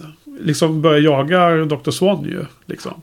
Ja, precis. Att han inte då går ner överhuvudtaget i hans lilla eh, kommandocentral som han har i källaren och, och bara börjar leta efter mer ledtrådar. Jag menar, Ja. när han ändå är där och kan han hitta fler saker liksom. Men, men varför, varför ville Bond att eh, motståndaren skulle veta vad Bond hade gjort där och vad, vad Bond hade fått reda på? För manusförfattaren är kass. Nej men ja, så det, jag reagerar på det där också. Och det, det är så här, det ska ju klart att det ska bli någon slags tease att hon ska vända sig mot honom där. För att det, när hon säger att oj det var Bond som gav honom pistolen så att han sköt sig själv. Men jag menar i slutändan så gör de ingenting av scenen överhuvudtaget. Och det blir ju bara att Ja, han blir nedslagen och så ligger han på britsen. Alltså det är ju så sloppy så att det Jo, är... det där är scenen hos Blowfell, ja, i kratern i slutet. Men redan innan så har ju skurkarna liksom kommit ikapp Bond när han är och möter Dr. Swan första gången. De kommer ju att kidnappa henne och därmed blir den här eh, biljakten med flyget. Så att eh, det filmas ju som att Bond förstår att det blir, finns övervakning. Men det är bara dåligt manus och sen så använder man sig av övervakningsmaterialet i den scenen med Blowfell. Det, det är så de har tänkt sig att det ska ha en betydelse. Och då, då är det ju riktigt svagt skrivet. Det här. Ja, det, för mig blir det lite grann som att gå in i återvändsgränder. Alltså om man, om man nu pratar om bra manusskrivande. Därför det fyller ingen funktion. Då kan man lika gärna klippa bort det. Alltså om Ja. man inte får Ja, den men här plus att eh, sen när var Bond liksom typ världens... eh, En av världens tre sämsta agenter och inte en av världens tre bästa agenter liksom. Var det Ja, inte... precis. Så det är var bör- inte en av de början av bästa Casino Royale vi, eh, Han är tillbaka till, han är tillbaka till hur han var i början av Casino Royale. Det är liksom, Ja, att han var o- oduglig liksom. ja, Bara- ny, ny gröngöling liksom. Och, Ja. nej, jättekonstigt. Okej, det var en liten nitpicking. Men sådana här saker växer när man ges till Alltså gre grejen, är, grejen är så här. Vet, vet du fan om det inte kan ha med... Alltså för... Ett av problemet blir ju att han faktiskt har berättat att Mr White redan har dött också. För att hade han inte gjort det och den där scenen kommer då blir det en helt annan grej. För då, då, då skulle man ju verkligen Ja, du menar ställa... scenen hos Blowfell menar du? Då när man får se vad som hände. Ja. Det har varit mycket starkare för oss också. Om Ja. vi inte hade sett... Själv, alltså varit med i scenen när han, när han eh, begick självmord. Utan vi får se det. Nej, jag tänker, nog, jag som, tänker nog eh, snarare på att hon då skulle faktiskt på riktigt... eh, Alltså eh, att det hade blivit en större konflikt då. Mellan henne och Bond. Ja, exakt. Du menar Bond har sagt det till henne att din far är död. Ja, men då är det- precis, men... Men tänk om du också hade gjort så Joel att vi hade inte hade sett scenen. Utan vi, publiken, såg Mm. det för första gången hos Blowfell. Då hade den scenen kunnat bli faktiskt riktigt dynamisk från många perspektiv. Mm. Men, men det är det att jag, jag har en annan spaning som, vet du fan om inte det kanske ligger någonting i det. Att det, att det är klippnings... ehm, att klippning och reshoots involverade. För att jag, jag reagerar på slutet när, när han går in i det här um, i ruinen utav det gamla MI6. Så sitter det upp en massa porträtt utav de här som har varit med i de här gamla filmerna. Och då, då får jag känslan att det var tänkt som en reveal. Men nu har vi redan sett det berättas tidigare i filmen att de var medlemmar av Spectre. Men alltså, så som jag ser scenen när han börjar gå omkring i ruinen och han ser bilder på Silva, han ser bilder på Le Chiffre, han ser bilder på Mr White. Att det känns som att vi skulle se det för första gången då. Får jag känslan. Ja, fast jag vet inte om du har tolkat det så som jag har tolkat det Joel i alla fall. Därför att vi får ju se M där också. Så att jag tror aldrig att det är en komplett samling av skurkar. Nej, nej, nej. utan Jag tror Nej, snarare men- att det är en... De, de, de, jo men du, Blowfeld leker ju med, med Bonds historia och med hans Även Vesper dåliga med. samvete. Liksom. Jo, hans fast- ångest. Fast återigen så blir det här för mig. Det fyller ju inte effekten. Jag, Nej. jag, jag håller med om att det, det, det skulle kunna finnas att man skriver manuset på det här sättet. Men för mig så framstår det nästan som en kvarleva utav en klippning. Där hela den här grejen inklusive M, M's död revealas i slutet. Och så har man valt att ha kvar det av någon anledning. Så att det, Ja, känns som en annan Jag idé. förstår. Ja, okej, okej, jag förstår. Och då, då blir det ju riktigt jarring. Men i, eh, i slutändan blir det ju ändå så, i slutresultatet blir det ändå så att precis samma ansikten dyker upp i titles sequence. Vilket gör att man sitter redan då och tänker att det här ska bli någon slags mindfuck Mm. mot Bond. Hans historik. Så redan där har de etablerat exakt samma bilder som vi får se den Precis, scenen. men, men då, då... Jag är ju... Jag som filmtittare nu är jag inte lika engagerad längre som jag inte jobbar med det längre. Men jag brukade alltid uppskatta extremt välberättad och effektivt eh, filmberättande. Och det här är ju så långt ifrån det som möjligt. När det blir Exakt. så här. Så att för mig är det ju bara svagt. Long Kiss Goodnight, License to Kill. Sådana filmer. Exakt. gillar vi. Fast Jo Five. men, jo men det är Fast liksom jävligt, Ja. jävligt effektivt och rakt på sak. Och liksom inte hålla på och krångla till det för sakens skull. Som jag kan känna att det blir lite här. Och det är därför jag får den, lite den känslan också att de kanske hade en annan variant på den här scen, scenerna kring Mr. White. Och eh, hans död och det här som var i Blowfelds. Men sen, sen har det blivit ett mishmash av olika klippningar kanske eller någonting. För det, det känns inte enhetligt. Det känns som att man liksom har stått och, och vägt mellan två bra idéer och så sen så blir det inte riktigt bra. Det, det är konsistent med den här historien om eh, vad som händer med författarskapet också. Mm. Filmmanuset som Patrik drog här. Så att jag tycker att det, det kan... Det kan finnas en... Eh, vi, kan, vi kan ha en aning om orsaken till att det har blivit liksom varken hackat eller malet då i så fall. Så jag håller med eh, Joel, din eh, overall där på din spaning. Ehm, Eh, vad heter det? Adaption då och adaption från bokvärlden Patrik. Jag är ju extra intresserad av adaptionsfrågor nu för tiden. Tycker det är Ja, jättespännande ja. koncept. Ehm, såg just den här långfilmen eh, för, några, för några veckor sedan. Den här News of the World. Som eh, 2020-film med Tom Hanks som en eh, långsamt berättad western. Och där den är ehm, eh, en adaption på en väldigt eh, speciell eh, roman som jag läst. Som jag tyckte var fantastisk. Och skriven på ett väldigt speciellt sätt som jag trodde skulle vara otroligt svårt att göra en adaption på. Men eh, jag tycker de har lyckats väldigt väl och jag älskade den filmen. Men jag tror att, eh, jag har ju märkt nu att många andra gillar den bara okej. medan jag älskar den verkligen fullt ut den filmen. Och jag tror att skillnaden är just för att man hade boken i huvudet. När man, Mm. ser, man såg Det, filmen det via är ofta boken. så. eh, man vet lite mer än vad som kommer fram i filmen. Man vet lite mer bakgrund och... Eh, Ja, liksom, jag, jag upplever till och med att folk som ser filmen utan att läst boken tror att poängen med filmen är något helt annat som är helt oväsentligt för boken. Och som jag därmed inte ens brydde mig om i filmen. Utan jag men görs bara... det bra så blir det ju eh, extra maffigt att ha läst boken. Ja, och jag, jag, har, jag har tänkt en hel del på varför tycker folk att det är en 3 av 5 film och jag, jag tycker den har 5 av 5. Kommer fram till att de gjorde två små, alltså till synes väldigt små skillnader i hur de satte upp hela filmen. De gjorde två ganska, ganska ordentligt, alltså små i, i, i perspektiv hela handlingen små, men väldigt avgörande skillnader i början av filmen. Två, två ändringar mot boken som jag tror skulle ha förändrat hur folk såg på den här filmen. Och därför så är jag intresserad av att, att ta den här eh, adaptionsfrågan till dig då. Du har redan varit inne på ett antal problem med det. Men kan du, kan du sprida lite mer ljus på vad, vad som eh, har gjorts mellan bokvärld och filmvärld i den här? Mm, precis. Ehm, så en liten recap vad som, vad som finns i böckerna då. Är ju att i novellen Octopussy. Så det här pratade jag lite grann om i, i den eh, podden. Eh, så eh, det handlar ju egentligen om att han åker till en gammal ehm, major var han väl, brittisk major. Ehm, som hade gjort något, ehm, han hade väl stulit pengar tror jag och, och dödat någon. Och sen eh, har det nu uppdagats då, för det här liket hittades då 20 år senare typ i Alperna. Och eh, då åker Bond dit och egentligen, hans uppdrag är egentligen att ta innan för eh, ja, egentligen förhör och fängsling då. Men han gav honom en chans att du kan avsluta ditt liv själv.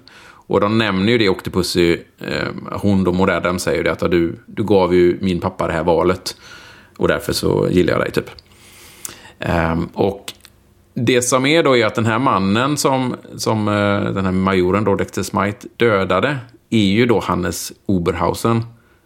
Och då får man reda på att eh, när Bond var liten så, och hans föräldrar precis hade dött då, så var han just en, eh, en säsong i Kitzbühel hos den här Hannes Oberhausen och hans familj. Det säger inget mer än att det bara var en familj. Det skulle kunna ha varit en son där, men de, de säger ju inte det. Men det skulle absolut kunna vara det. Och då, då nämner han i den här novellen just om, om han, Hannes då, att han var som en far till mig i en tid då jag behövde det. Eh, och då har de väl tagit den meningen och spunnit vidare då till den här filmen. Att den här Hannes hade en son och så blev det, eh, skulle den här sonen eh, konkurrera med den här eh, kanske lite snyggare, lite smartare, lite mer äventyrligare eh, killen som kom från England och eh, kanske hans pappa det, tyckte mer om honom än, än Ja. hans själv. Då, lite grann som man pratar om där med gökungen och så här då. va? Så alltså, den idén, eh, fun- koko ja precis. Den här idén funkar väl kanske, att man kan tänka sig att det finns något agg där då. Sen har de ju då spunnit loss katastrofalt mycket och fått det här att det här skulle till slut bli Blowfelt och den här sonen. Ehm, Så att Ja, de, det kunde ju, de kunde ju fortfarande varit Quantum, Patrik.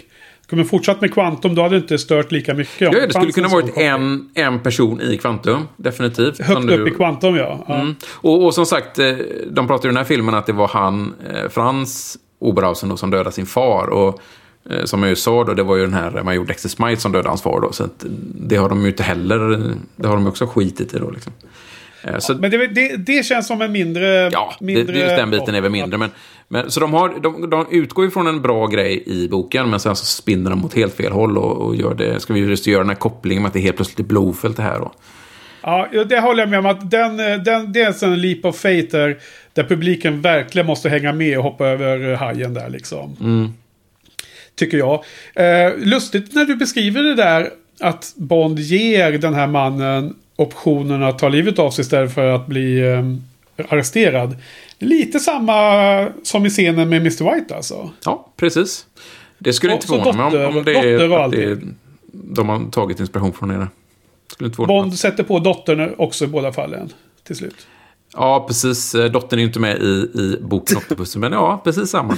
Han, det är samma MO där liksom, eh, som Bond har. Ja. Ja, Okej, ja, men eh, mera från bokvärlden. Mera, mera, är det något mer som är bra gjort eller dåligt gjort? Eh, någonting som jag gillade, en av de få sakerna jag gillar med filmen är ju det här safehouset som de har i eh, London. Som heter någonting med Hildebrand. Eh, ja, de, pratar, de nämner ju till och med Hildebrand. Eh, det, jag visste inte att det fanns, eller jag, kommer inte ihåg vad det var, vad de säger där. Hildebrand, det är ju en av de här eh, få titlarna som är kvar nu då. The Hildebrand Rarity är ju en novelltitel från Fleming Ah. Så, att, så att det, det är väl lite fan eh, service då som jag gillade. Eh, men, men det som är riktigt intressant är ju att de har tagit inspiration från en icke-Fleming Bond-bok. Eh, den första officiella Bond- Bond-boken som kom efter Fleming var ju eh, Colonel Sun från, eh, av, av han Kingsley Amy som jag berättade i någon podd. Och den här tortyrscenen med tandläkarstolen ehm, är inspirerat från den boken. Och ingen tandläkarstol men de har till och med tagit dialog liksom från den scenen i boken. Det tyckte jag var väldigt intressant. Jag har inte ens tänkt på innan, Ja. men jag läste om det nu. Är det Intressant något eller om- illavarslande? Ja, exakt. Ja, ja precis. Jag vet inte riktigt. Ehm, för den gjorde inte jättestort intryck på mig, eh, den boken. Eller, Är, är, det en, eh, är det en fantastisk utveckling av Bondvärlden framåt eller är det att de har öppnat en mask, alltså en burk Pandoras, maskar i? eh, ja, Ja, vi exakt. får väl se vad som händer framöver. Men jag, jag, jag är helt nöjd om de bara håller sig till Fleming. Även om det inte finns så mycket kvar att göra. Okej, men i mina ö- ö- öron så låter det ju inte som att det är så skandalös adaption från bok bokmaterialet. Men du, du är ju jättekritisk ändå. Du måste sälja Jo, det- det dåliga mer. Ja, men det som jag är kritisk mot är ju framförallt, eller det, den stora grejen här är ju just att de, de gör den här Frans Oberhausen att han ska vara Blowfelt. Det är ju det som är den stora, stora grejen för mig.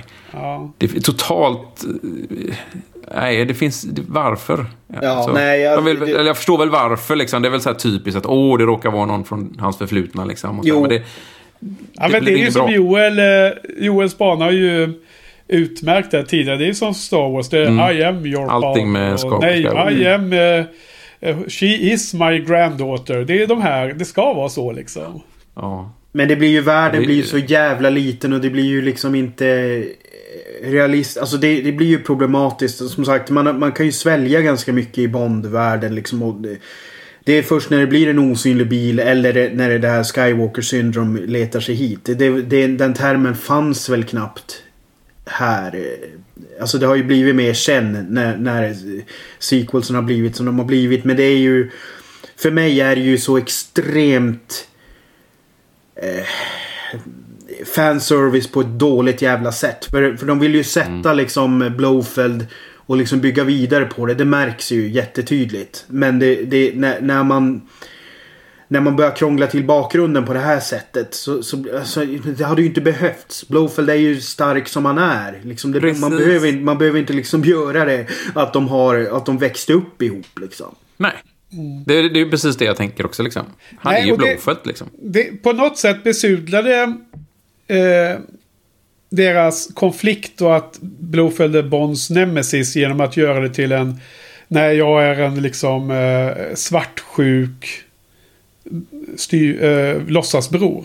Mm, precis. Liksom, varför att man man ha det som en, eh, en omnipotent motståndare som är nemesis liksom?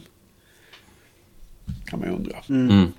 Nej men för, det, för det, är ju, det, det återspeglas ju i, i sista bilden där, där Blofeld liksom kryper från sitt helikoptervrak. Och så sen så blir han skonad av Bond. Och han liksom trånar efter och när Bond går därifrån med tjejen så liksom ligger Blofeld och trånar efter. Och han liksom tittar ju på honom så här som att ja, där, nu gick det åt helvete för mig igen liksom. Lite grann. Ja, Cliff Barnes av Bond-serien. Har han blivit nu då. ja, istället för att vara liksom den stora. Okej, men eh, vi har redan börjat närma oss eh, Blofeld så vi måste prata om B, C och M. Så låt oss börja med skurkarna. B. Blofeld. Vad tycker ni om den här lilla farbrorn från Österrike då som spelar Blofeld i den här filmen? Jag tycker Christopher Waltz har... Eh, han är en riktigt bra skådis. Det har han bevisat i jättemånga filmer. Eller många filmer i alla fall. Eh, de filmer jag har sett. Eh, men här är han bara usel. Och jag förstår inte... Jag förstår inte hur han, hur han, som ändå är så bra, kan bli så usel. Kan ni förklara det? Welcome James. It's been a long time. And finally, here we are. What took you so long?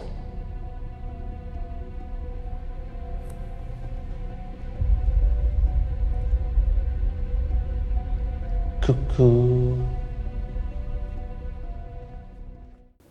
Han spelar över. Han, han har en slags mental bild av vad en sån här Blofeld eh, megaskurk ska vara i Bondvärlden. Ja, och så spelar teater på det. Mm. Och det känns inte speciellt djuplodande utan han, han spelar den teatern så, så dåligt som själva mallen han går efter är. Ja, så, ja den så köper dåligt jag. uppfattat mm. som hans mall är. Mm. Eller vad tror du Joel? Eh, jag vet jag stör mig inte så himla mycket på mm, tonalitet och sånt. Jag tycker ändå det var ett steg i rätt riktning för, för att få liksom en realistisk karaktär jämfört med da, da Silva i Skyfall.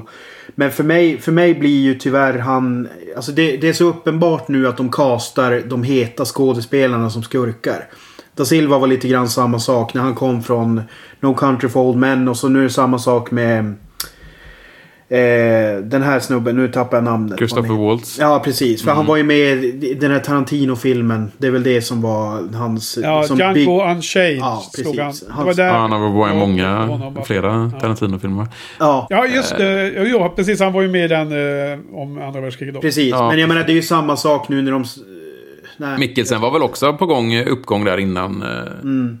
Jo, precis. Men han hade väl kanske inte haft... Nej, inte lika... Han, han hade väl inte haft ett internationellt genombrott på samma sätt. Men det, men det blir alltså för, för, mig, för mig blir det lite att de... De sticker ut på ett sätt som gör att jag sitter och tänker mer på skådespelarna än på karaktärerna. Eh, och jag har inte upplevt det på samma sätt när jag ser Christopher Lee exempelvis spela i Mannen med den gyllene pistolen. Där köper jag honom som Scaramanga på ett annat sätt. Liksom. Eh, så det, det är konstigt. Men det är kanske för att man är uppväxt mer med de, alltså de här är kontemporära på ett annat sätt. Jag, jag vet inte. Det, det, är no, det är någonting med båda de här karaktärerna som stör mig. Men det är jag har liksom inte jätte mycket ont att säga om ehm, um, Blofeld annat än ja, det vi har pratat om. Hela den här jävla bakgrundshistorien. Annars tycker jag, ja det hade säkert varit intressant att följa honom liksom. Men, men jag tycker att så som karaktären karaktärens bakgrund, det stör mig mer än skådespelaren. Faktiskt. Ja, någonting som jag faktiskt... Om, det är någonting jag gillar med Blofeld här är ju det ärret han får i slutet. Det är väl ändå lite, det är väl ändå lite roligt tycker jag. Eftersom det ärret han får över ansiktet är ju precis det ärret som eh, Donald Pleasants mm. eh, Blowfett ja. har i Only Live Twice.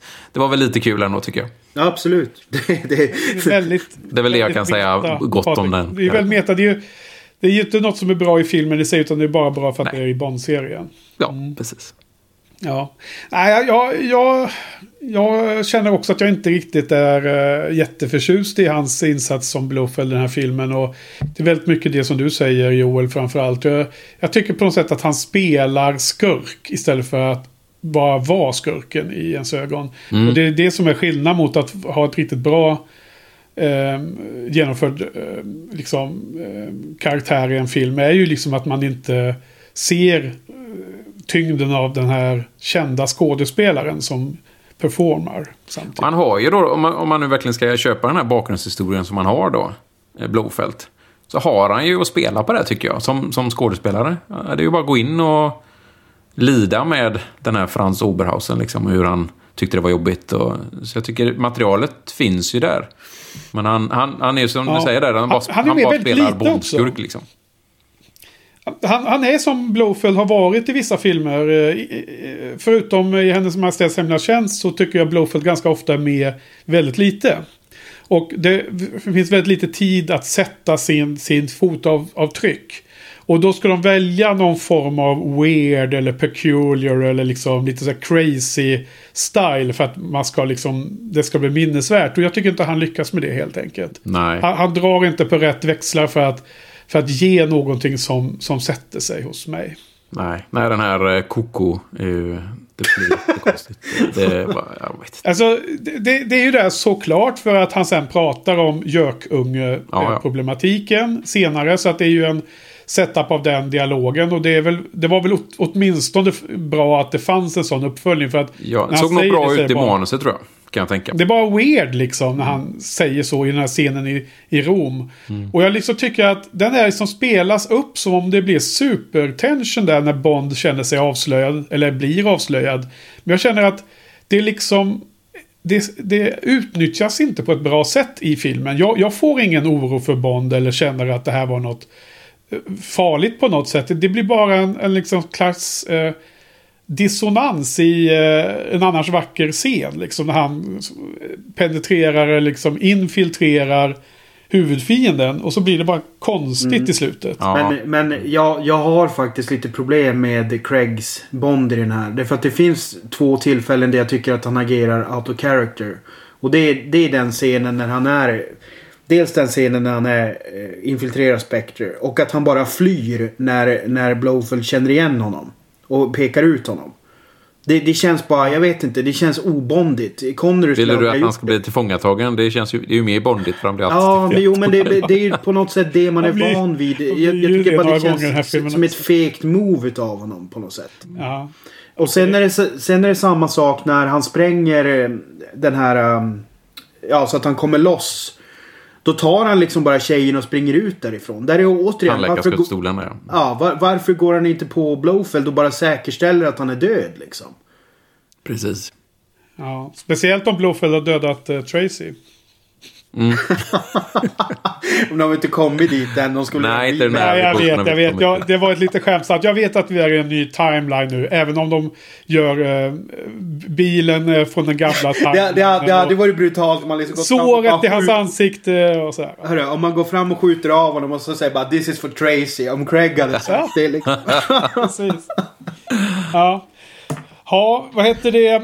Eh, Okej, okay. han var väl inte helt lyckad då. Men det var ett, eh, ett fint namn att ha med i skådespelarlistan. Och jag är säker på att de använde hans namn väldigt mycket i promotion och så. Så de var säkert nöjda med detta. Men den andra skurken då är ju C. Eller han som... Eh, den, den skådisen där var Andrew någonting som då också för oss som tittar på tv-serier och sett den här moderna Sherlock-tv-serien så spelar ju den skådisen Dr. Moriarty. Mm. Och eh, om du kan kolla upp där Patrik, du eller Joel, vad, vad han nu heter, han som spelar C här. Andrew Scott. Filmen. Men, Andrew Scott. Och det, alltså jag tycker jag hade ett mycket större problem än, äh, än äh, österrikaren. Den österrikiska lilla herren som spelar Blowfeld. För att jag tycker Andrew Scott är så jävla dålig alltså. Vad tycker ja, ja. ni om han? Ja, nej, han är jättedålig. Alltså, ja, okej, om vi säger så här. Idén, det han representerar, rollen han har, att det är liksom en slags eh, problematik runt det hela och det här gemensamma övervakningssystemet. Eh, vad tycker du om det? Och sen vad tycker ni om skådisen som då ska spela den, den motståndaren till M som det blir i slutet. Det blir som en korsklippning här. M fightas mot någon, Bond fightas mot någon. Vad tycker ni om helheten, Patrik? Uh, ja, uh, hela den här setupen är ju tagen från uh, Snowden. Hela den grejen kom ju här och jag vet att E.ON var ganska intresserad. De vill göra en dokumentär om Snowden. Så, så setupen med övervakning och sånt tycker jag funkar. Det är ju current events. den ja, biten funkar. Det kan jag köpa. Men sen, sen hela det här med någon slags inbördeskrig bland underrättelsetjänsterna i England och eh, M verkar ha blivit eh, nedgraderad från att vara chef på MI6 till, till att vara chef för 00-sektionen bara. Det, det, det, förstod jag aldrig riktigt. Men, eh, och det skulle vara en sammanslagning mellan MI5 och MI6 eller någonting som skulle bli den här nya... Det, det var väldigt oklart för mig vad som hände där. Ehm, och sen då... Eh, sen då hela det med att han, han skulle kallas C tycker jag inte förklarar speciellt väl i, um, i filmen. För han heter ju ingenting på C. Anledningen att de Bond tycker heter du C det är ju att MI6 chef brukar under, eller skriva under sina eh, brev med C då. För hon heter någonting. Menar du MI5 eller? 5? MI5 ja. Precis. Du, du sa 6? Ja, ja, förlåt. MI5 då. Eh, och MI6 är ju liksom M då. Men, men i, i MI6 då, de cheferna har alltid hetat något på M. Och då kan man ju tycka att då borde han heta någonting på C för att göra någon liten callback för att förstå man. Fast det Nej, så att, eh, ja. inte med Kant att göra. Att han kallar honom Mr C. Nej, nej. Uh, nej, utan chefen för MI5, alltså den riktiga chefen för MI5. Hon heter ju hennes efternamn är någonting på C, så hon brukar underteckna ja. med C. Jo, men jag, alltså, jag får lite känslan att när, när Bond envisas med att kalla honom Mr C så är det hela tiden nedlåtande. Och då undrar jag om, mm. det, om det är någon sån konnotation. Jag tror inte det. Jag tror det är från verkligheten att hon ja. heter något på C. Då. Um, just eftersom M ja, kommer ju egentligen. Det är ju lustigt i scen i slutet där när M eh, konfronterar C. Och C sliter upp sin pistol. Är den här klassikern att M då har tagit kulorna. Och då så säger han någonting. Eh, Eh, nu vet vi vad C, C står för. Ja, exakt. Först så får säger han M står för någonting, någonting, kommer inte ihåg. Ja, mm. Och sen säger M tillbaks då, och C står för, och då känns det som att han ska säga kan. Ja, ja, han säger ju då careless. Careless säger han Precis, det blir jättedåligt. Ja, men det är lite lustigt. Ja, men Joel, du då? Vad tycker du om skådisen och vad tycker du om C som helhet i filmen? Nej, alltså idén, jag älskar ju idén. Som jag sa tidigare, det här hade liksom varit i led med vad Quantum skulle ha gjort. Eh, liksom ja. för att få världsherravälde i en modern värld liksom. Så att jag gillar idén som fan, men den är jättedåligt utförd. För det är ganska ointressant och skådisen är ju inte heller eh, speciellt karismatisk. Utan det är, liksom, det är bara en sån här jävla desk clerk liksom. Eh, som jag vet inte. Alltså det, det, det, det känns ju som filler-material på slutet. Du måste ha någonting att klippa till när... Ja, för att kunna klippa från Craig ibland lite grann. Eh, jag satt ju och efterlyste grupparbete i, i, i, när, när vi fick se den här scenen i Skyfall. Men det, det var ju inte så jävla... Det var ju mycket mer sånt här på slutet. Men det är ju inte bra tyvärr. Att, ja, det var min nästa punkt faktiskt som jag skulle komma till grupparbete. Ja. För jag tänkte att du kanske skulle gilla det här. Jag, jag, jag, tycker ändå att det är kul att se dem göra grupparbetet. Men det kanske är i Det blev inget bra tycker jag. Mm, så jag Sen gör de, inte så mycket, de gör inte så mycket ihop egentligen. Det enda de gör ihop är att, att gå och sitter i en bil. Men själva actiondelen gör de ju separat, enskilt. Ja. ja det är ingen shootout på det sättet. Men de, de kommer till den här safehouset och de åker och hoppar in i någon bil och är liksom lite... De är, de är team där. De är lojala mot varandra. Det är väl härligt. Mot varandra men inte mot ja, Si då. Ja, inte mot Si. Nej, han är ju inte med i teamet. Det är uppenbart. Nej, precis. Ja. Men det är ju chefen nu, ja. det menar jag. Så. Mm. Nej, vi säger nej till så... honom. Andrew Scott säger vi nej till. Mm. Ja, vi säger nej till honom. Har, har ni sett tv-serien Sherlock med de moderna? Ja, med, med han? Alltså jag minns faktiskt inte att han var med, men eh, nu, efterhand när du säger det så, ja just det, han var nog med där typ. Ja, men han gör ju ganska svagt intryck där också, ja. vilket är helt absurt med den rollen han spelar där, så kan han vara ännu starkare. Ja, ja eh, det här är lite... Eh, Ja, jag gillar ändå de scenerna i slutet men, eh, men det kanske bara är för att det är andra saker i slutet av filmen som man mer stör sig på. Vilket gör att man stör sig mindre på den här. Det kanske är en sån känsla jag egentligen har. Eh, sen då, alla de här sista scenerna när Bond eh, på tre minuter gör allt det han hinner göra. Inklusive springa upp på taket där då på den här stora byggnaden och rädda henne. Han är snabb. Ja, han är snabb ja. Han har bra cardio. Jag vet inte jag. Den är väl lite spännande. Den är typiskt en sån här scen som är spännande första gången man ser den. Sen andra gångerna och när man ser dem mer så kanske man kan nitpicka och det blir inte så kul längre. Men, eller hur tycker ni om den sista scenen? Man får se båten när han går in där. Det är ju bra då för då Mm, han flyger det, båten i precis. slutet. det är bra att de vi- visar den i alla fall. Eh, nej, men det är nog som du säger. Det var nog spännande första gången och sen... Nej. Alltså, den, den är ju inte, den är inte dålig att han är så, men... Det är väl inget som höjer Nej. pulsen direkt jättemycket nu. nu. Nej men det, det, det Jo, jag reagerar Joel, på nu vad säger du om en avslutningsscen? Vad sa du? Vad säger du om en avslutningsscen? Duger Nej men alltså jag, jag... Grejen är ju så här. Han lämnar ju henne på gatan bara. Och så springer han iväg och ska utföra sitt uppdrag. Sen typ så här fem minuter senare då har Blowfeld tagit henne off screen. Och liksom eh, placerat henne som the damsel in distress i, i liksom klocktornet. Det bara, det bara känns återigen så jävla convenient. Ja, Mm. jo jag vet. För att tala om Alltså, det det- här det nätet som hänger hoppar inte ner i convenient är. Ja. Ja, men det, det är liksom samma problem som eh, Take the Shot-prologen i Skyfall. Att jag menar, visst, vi behöver inte se varje scen när, när Moneypenny åker med sin jeep till den här punkten. Men när man bör- börjar analysera scenen så är det något som inte stämmer liksom. Hur kunde de komma till andra sidan den dalen helt plötsligt så här convenient? Ja, det, Det är bara för att manusförfattarna har ju... De är nästan som en gud, manusförfattarna. De kan bara förflytta folk det vilt hur snabbt som helst. Nästan som en gud. Ja, alltså, Ja, okej. alltså egentligen min, min, min... Om man nu bortser från det här med Blowfelds bakgrund så, så hade jag också ett, ett, ett annat lite sånt där mini jump to shark moment. Och det är ju det här när, när Bond liksom prickskjuter helikoptern från typ så här 200 meter med sin Walter PPK ståendes i en båt som liksom kör på... Ja, alltså en båt är ju liksom Man står ju inte still på marken och siktar. Utan en Nej. båt rör ju sig. Och att det är sån jävla distans till helikoptern när han prickskjuter den. Det är ju alltså... Men det är Han Bond. kunde väl- Han är ju Bond. Jo, men vad fan, de kunde väl åtminstone haft någon jävla sniperbössa eller någonting så att det, så att det känns liksom... Ja. Alltså, det, det var riktigt... Ja, alltså det var riktigt ibland är långt. Bond eh, en av de sämsta agenterna i den här filmen. Och ibland är han världens bästa agent. Eh, jag, jag vet precis hur du tänker och vilken scen du menar. Han, Bond skjuter tre eller fyra skott mot helikoptern och träffar liksom utan att den skadas. Ja. Träffar bara ett plåt och så.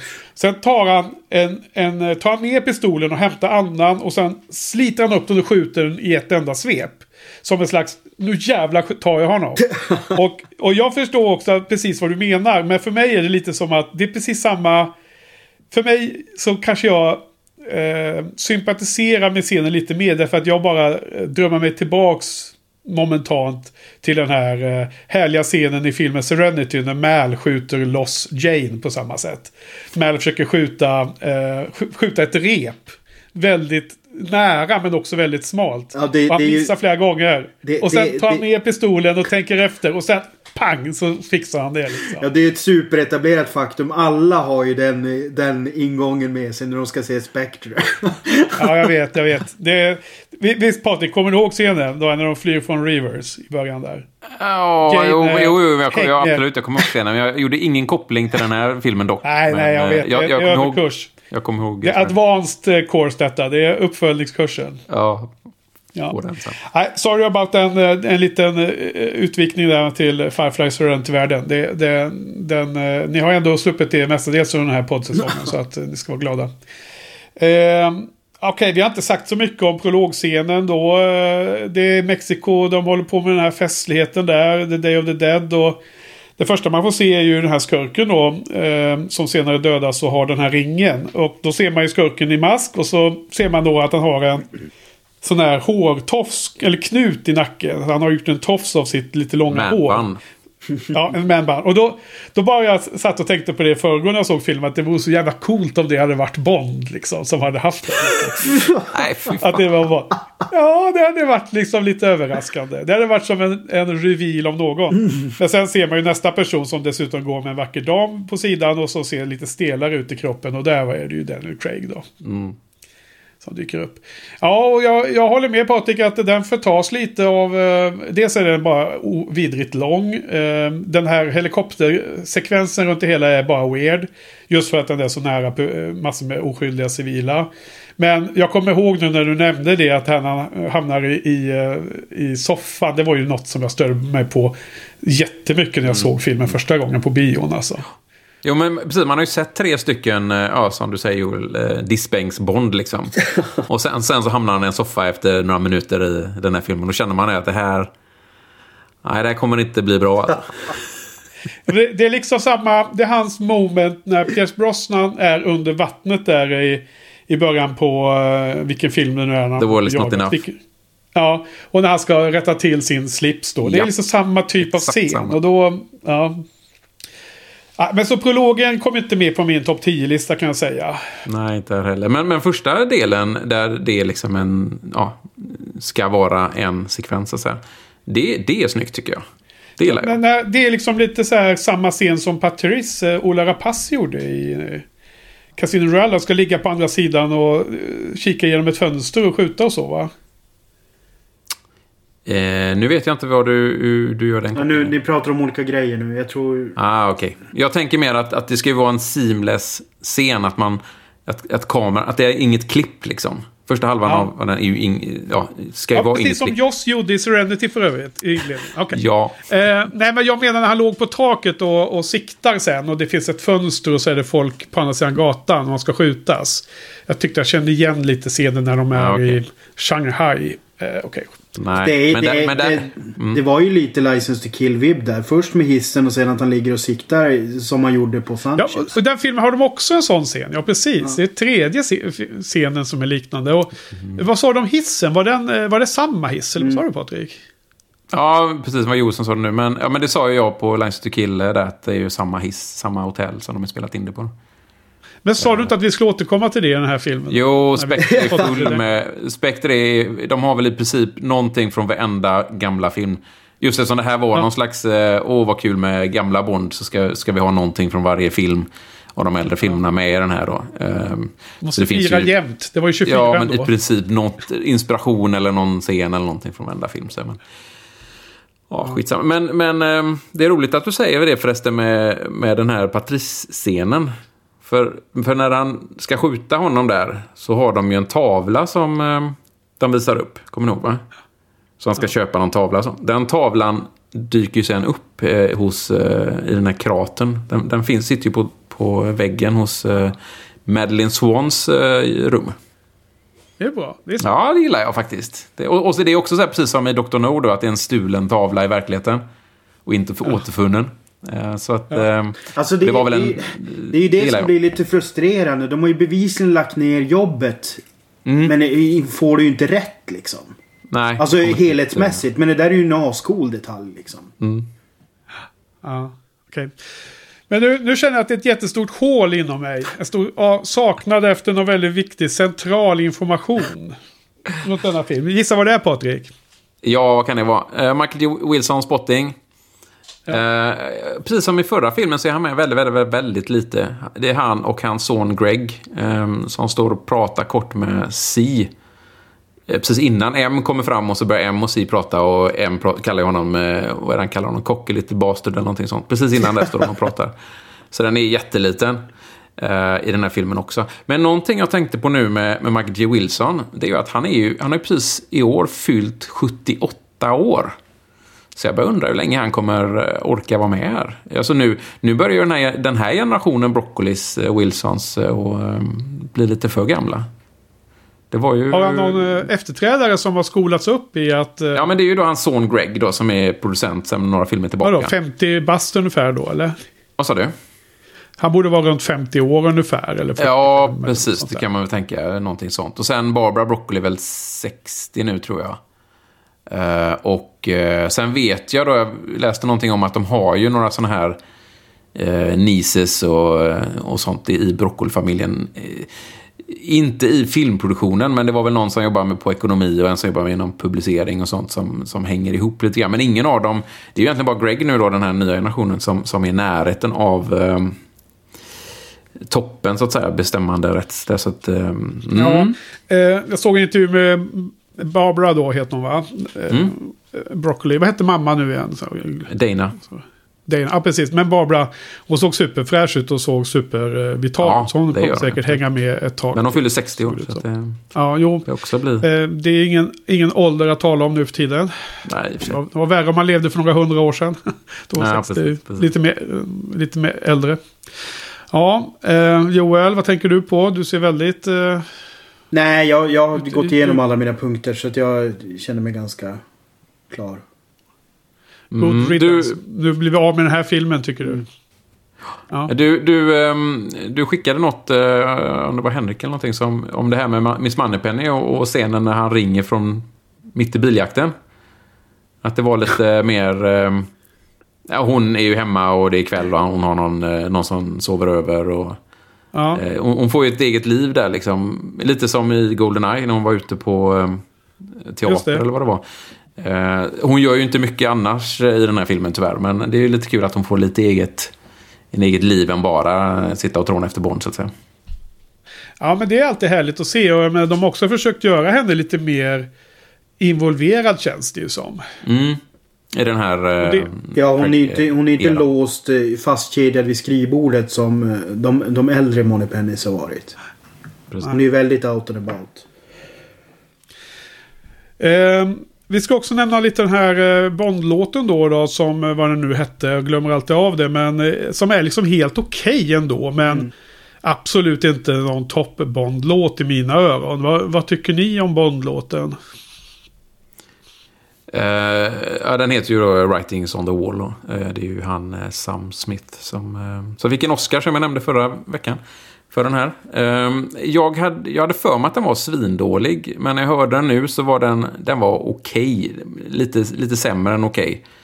Däremot hade den... Eh, fastnade den så att jag satt och... Den dök upp i huvudet ja, på kvällen och även några dagar senare. Jag såg den här i onsdags, den här filmen. Eh, så, så det var oväntat. Men för jag tycker inte Ja. den är speciellt bra. Men ändå så... Nej, men den, då har den ändå något. Det var Åtminstone Mm. som poplåt. så någonting har den ju uppenbarligen. Ja, fastnar. Vad tycker du Joel? Mm, samma här. Det, det här är ju en av de här låtarna som jag kanske inte riktigt är i, Om jag lyssnar på Bond-playlisten så har jag riktigt i, inte identifierat vilken film den tillhör. Men det här är en låt som jag ofta har lyssnat på. Så äh, jag, ty, jag tycker den är bra, absolut. Den, den har liksom någon slags så här uh, Bond-ballad-fil. Uh, alltså det, det är ju inte liksom det här bombastiska Kina Easton-låtarna liksom. Men det är ju mera någon slags bland, alltså det är ja, lite mjuk.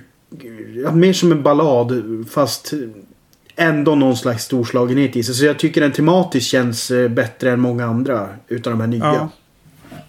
Det är ju, råkar vara precis som i Skyfall en ballad med bombastiskt.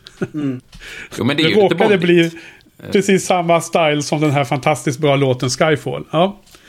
Det är klart att de körde på samma jag, linje. Jag tycker, det, jag tycker det är jobbigt att eh, när de inte har... Eh, när inte låten heter vad filmen heter. Det tycker jag alltid är jävligt. Ja, det jag håller med. Ja, nej, man glömmer vad vad den heter då. Det, det händer ju inte jätteofta, men eh, det är några få sådana låtar. Men, men, ja, men sen, sen måste jag också, jag måste segla tillbaka till en spaning som ni har haft tidigare. Eller jag tror Patrik framförallt. Det var ju att när jag hade sett klart eh, Spectre med mina föräldrar så slog vi av eh, och kollade på liksom linjär-tv. Och då gick ju Goldfinger på TV12. Ah. Och då var det ju så skönt därför att där var ju... Jag såg bara, jag såg bara scenen på golfbanan. Men eh, det är så fantastiskt när de väver in eh, ledmotivslåten i scoren. Mm. Ja. Det är, det är verkligen det är så jävla klockrent. För det är så snyggt gjort också. Det är subtilt. Och det gör också att man inte har det här beho- behovet av att höra Bond-temat så jävla mycket som de har gödslat med i Brosnan-filmerna framförallt. Mm. Eh, nej, så det var en skön, eh, man önskar på något sätt att de kunde återkomma till det här. Men det lär ju, det lär ju aldrig hända. Ja, Nej, jag det tror de har hittat den här formulan. risk. Ja, men de har hittat den här formulan att de, de kör någon, någon eh, ny och jättebra, eller liksom någon stor artist som är stor just när de släpper filmen då. Eh, för det är ju till och med de sista åren, eller sista filmerna tror jag inte ens att eh, titel, eller ja, huvudlåten är med på soundtracket liksom. Eh, den är liksom inte ens med. Vilket är helt, alltså på CDn så att säga. Vilket är jättekonstigt. Jo, det Säkert finns alltid en med risk att man un undervärderar de äldre filmerna också för att det var så länge sedan man såg dem nu då i den här, genom eh, den här poddsäsongen.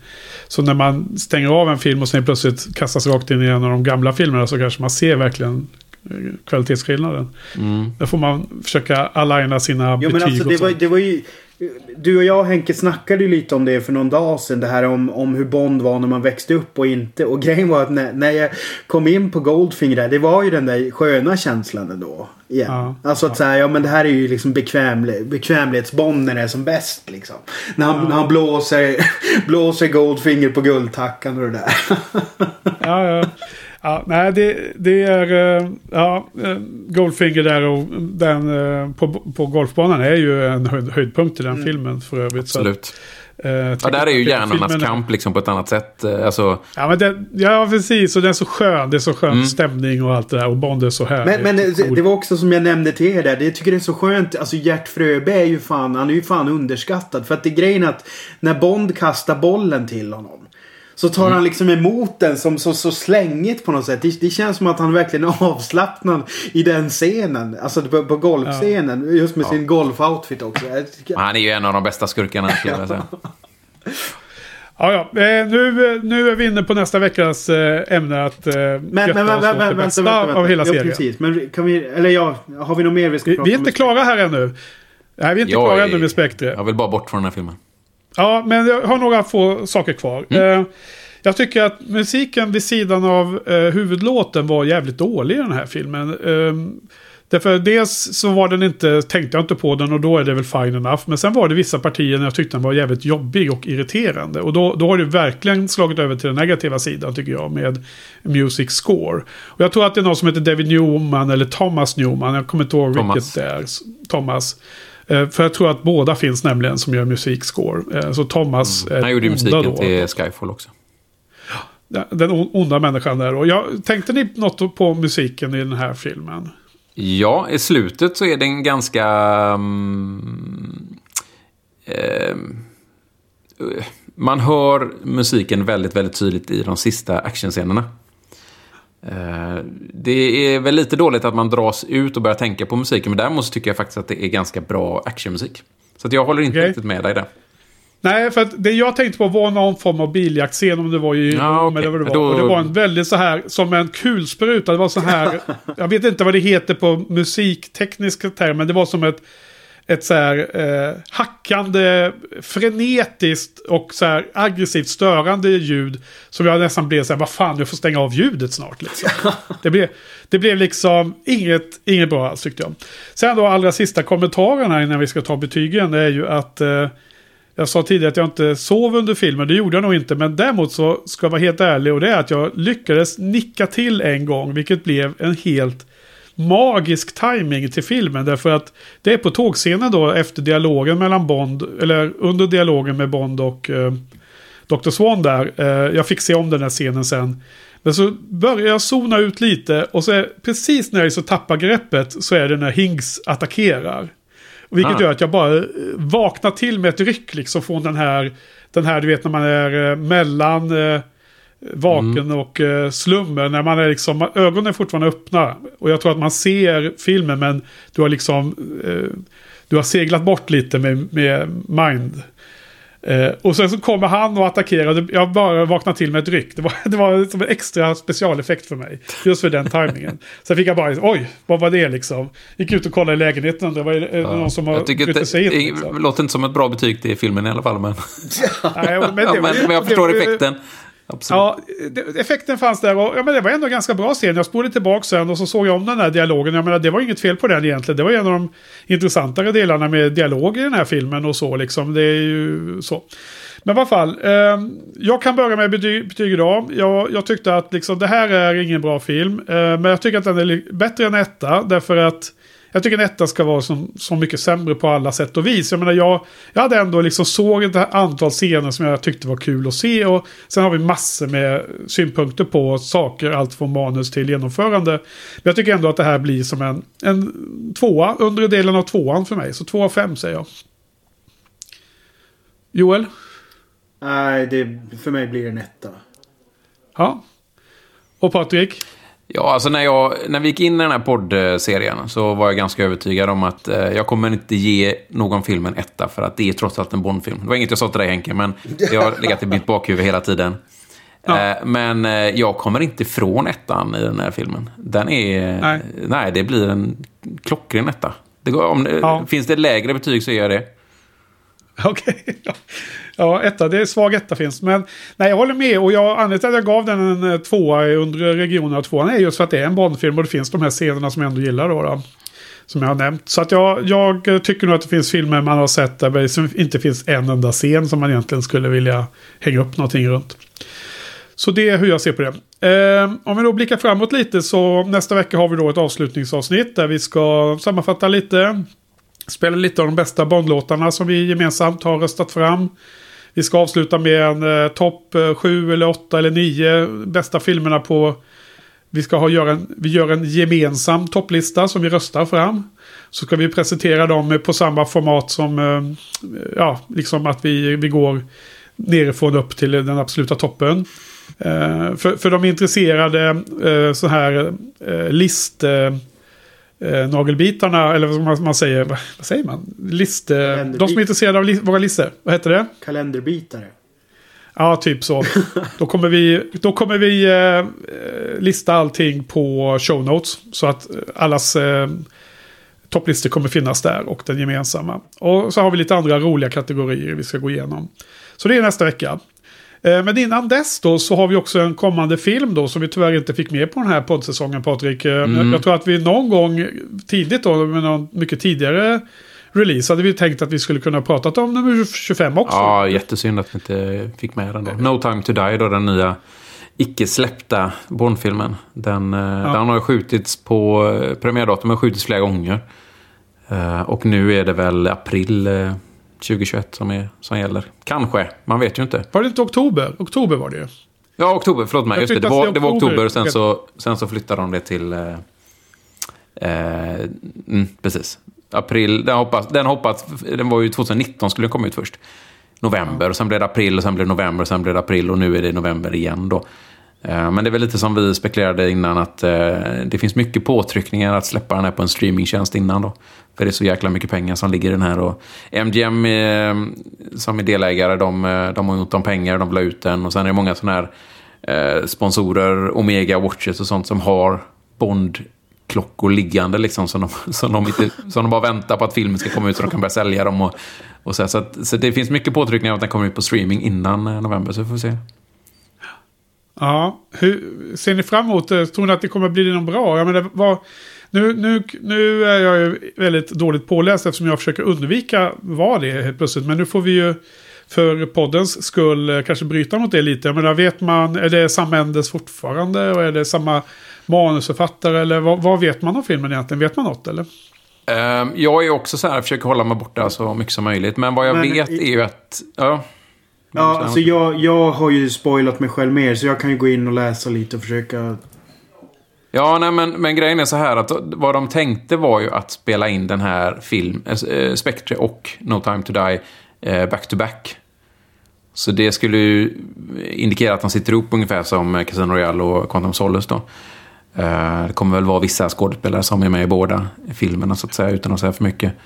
Ehm, men eh, det var ju Danny Craig som sa nej till det. Han, eh, han, det har man ju märkt eh, ja, ända sedan Sean Connery att när de avslutar en filminspelning med en Bondfilm, den är så fysiskt jobbig och, och mentalt jobbig kanske också att att de måste ha lite tid över. Och jag vet att Danny Craig gick väl ut efter den här filmen tror jag sa att i någon intervju att när han fick frågan ska du göra nästa film så sa han väl det att jag vill hellre ta den här krossa den här flaskan som är framför mig och snitta upp mina handleder att göra en Bondfilm till. Han väl sagt. Det var ganska... kraftfullt. Men han har ju ångrat sig sen då när han fått vila sig i några månader. Eh, Och fått en Men, ny eh, lönecheck. Ja, ja, precis. Det är säkert lite där också. Men eh, nej, alltså, de, de sitter nog ihop de här filmerna, tror jag, hyfsat väl. Men det är inte Sam Mendes i alla fall som gör det. Det är Carrie Ah. Juji Fukunaga, vem det nu är. Aha. Ifrån eh, True Detective-serien. Just det. Det verkar bra. Det kan, eh, det kan vara bra. Ja, kanske det. True Detective Se- Season 1. Den, eh, Mm. den bra. Han har gjort It Ja, också. Men vi kanske inte ska mm, gå ner i detaljerna mer och spoila folk som inte vill. Och jag vill inte höra jättemycket mer. Men jag ser fram emot filmen. Och en normal tid skulle jag gå och se den på bio. Men kommer den på streaming först så är det väl risk att man ser den hemma eh, i, i biorummet. Ja, tyvärr. Eh, Man skulle vilja se den på en stor bioduk först. Men kommer den så känns det ju svårt att undvika att se den. Annars är det bara om man har streaming-sajten bara att kolla på den på mobilen då. Liksom när man är ute och åker, åker spårvagnar och sånt där. Ja, försöker undvika det. Tur man har hyfsat stor tv i alla fall så man kan se den där. Ja. Joel då? Ser du fram emot nästa Bond eller är det ett eh, avslutande kapitel för dig med Bond? Nej, jag, jag vet inte. Jag, det, det känns som att min eh, peak Bond-period är förbi mig lite grann. Nu har det har varit Det skitintressant. var bara en att- film som är peak och sen allting Ja, annat. är- exakt. Som du pratat oväntat lite om måste jag säga. Ja, det, precis. Det blev inget idag tyvärr. Men ehm, nej, men så... mm, det ska, det ska såklart bli, bli kul att se den bara för att man har det här poddperspektivet med sig också. Men eh, efter Spectre så blir det blir ju lite... Det här, är- för mig blir det här lite som om de skulle ha gjort en till Brosnan-film efter Die Another Day liksom. Lite. Mm. Jo. För, för, för övrigt har vi egentligen slutat prata om Spectre. Men jag kände att det, det skulle kunna varit den, den sista Bond-filmen. Med tanke på hur slutet var på bron. När Bond släpper pistolen bakom sig och går iväg. Det, det skulle kunna varit en ganska eh, bra sista film. i En hel filmserie. Men uppenbarligen inte då. Nej, jag tror han tänkte det ifall eh, Danny Craig inte skulle komma tillbaka. Så gjorde han just den scenen. Kastar ifrån sig pistolen och åker iväg eh, i- med bil med Bondbruden. Liksom. Så det var faktiskt, eh, vad jag förstår, tanken med att han gjorde en sån scen. Ja, för hon har ju i princip sagt att hon valde ju bort honom så länge han var agent. Och Mm, sen precis. åker de iväg i slutet och då, då har han också valt bort det. Då. Det var så jag tolkade det. Mm. Liksom, state of mind där i Bond. Precis. Det kanske blir en eh, Tracy eh, i början av nästa film. Blofeld eh, dödar henne och, i bilen och sen så måste han hämnas. Vem vet? Jag har ingen aning. Ja. Ja. Det hade varit bättre med en bättre eh, kvinnlig skå eller som passande karaktär. Ja, om man ska jämföra med, med Tracy. Men, Ja, men visst, precis. det är som det är. Okej, men du, Mm. eh, då ska vi eh, tacka för idag. Så tack Joel. Mm, tack, tack. Tack Patrik. Tack så mycket. Och eh, på återhörande för sista gången i Bondpodden nästa måndag. Så hörs vi då. Bye bye. Hej.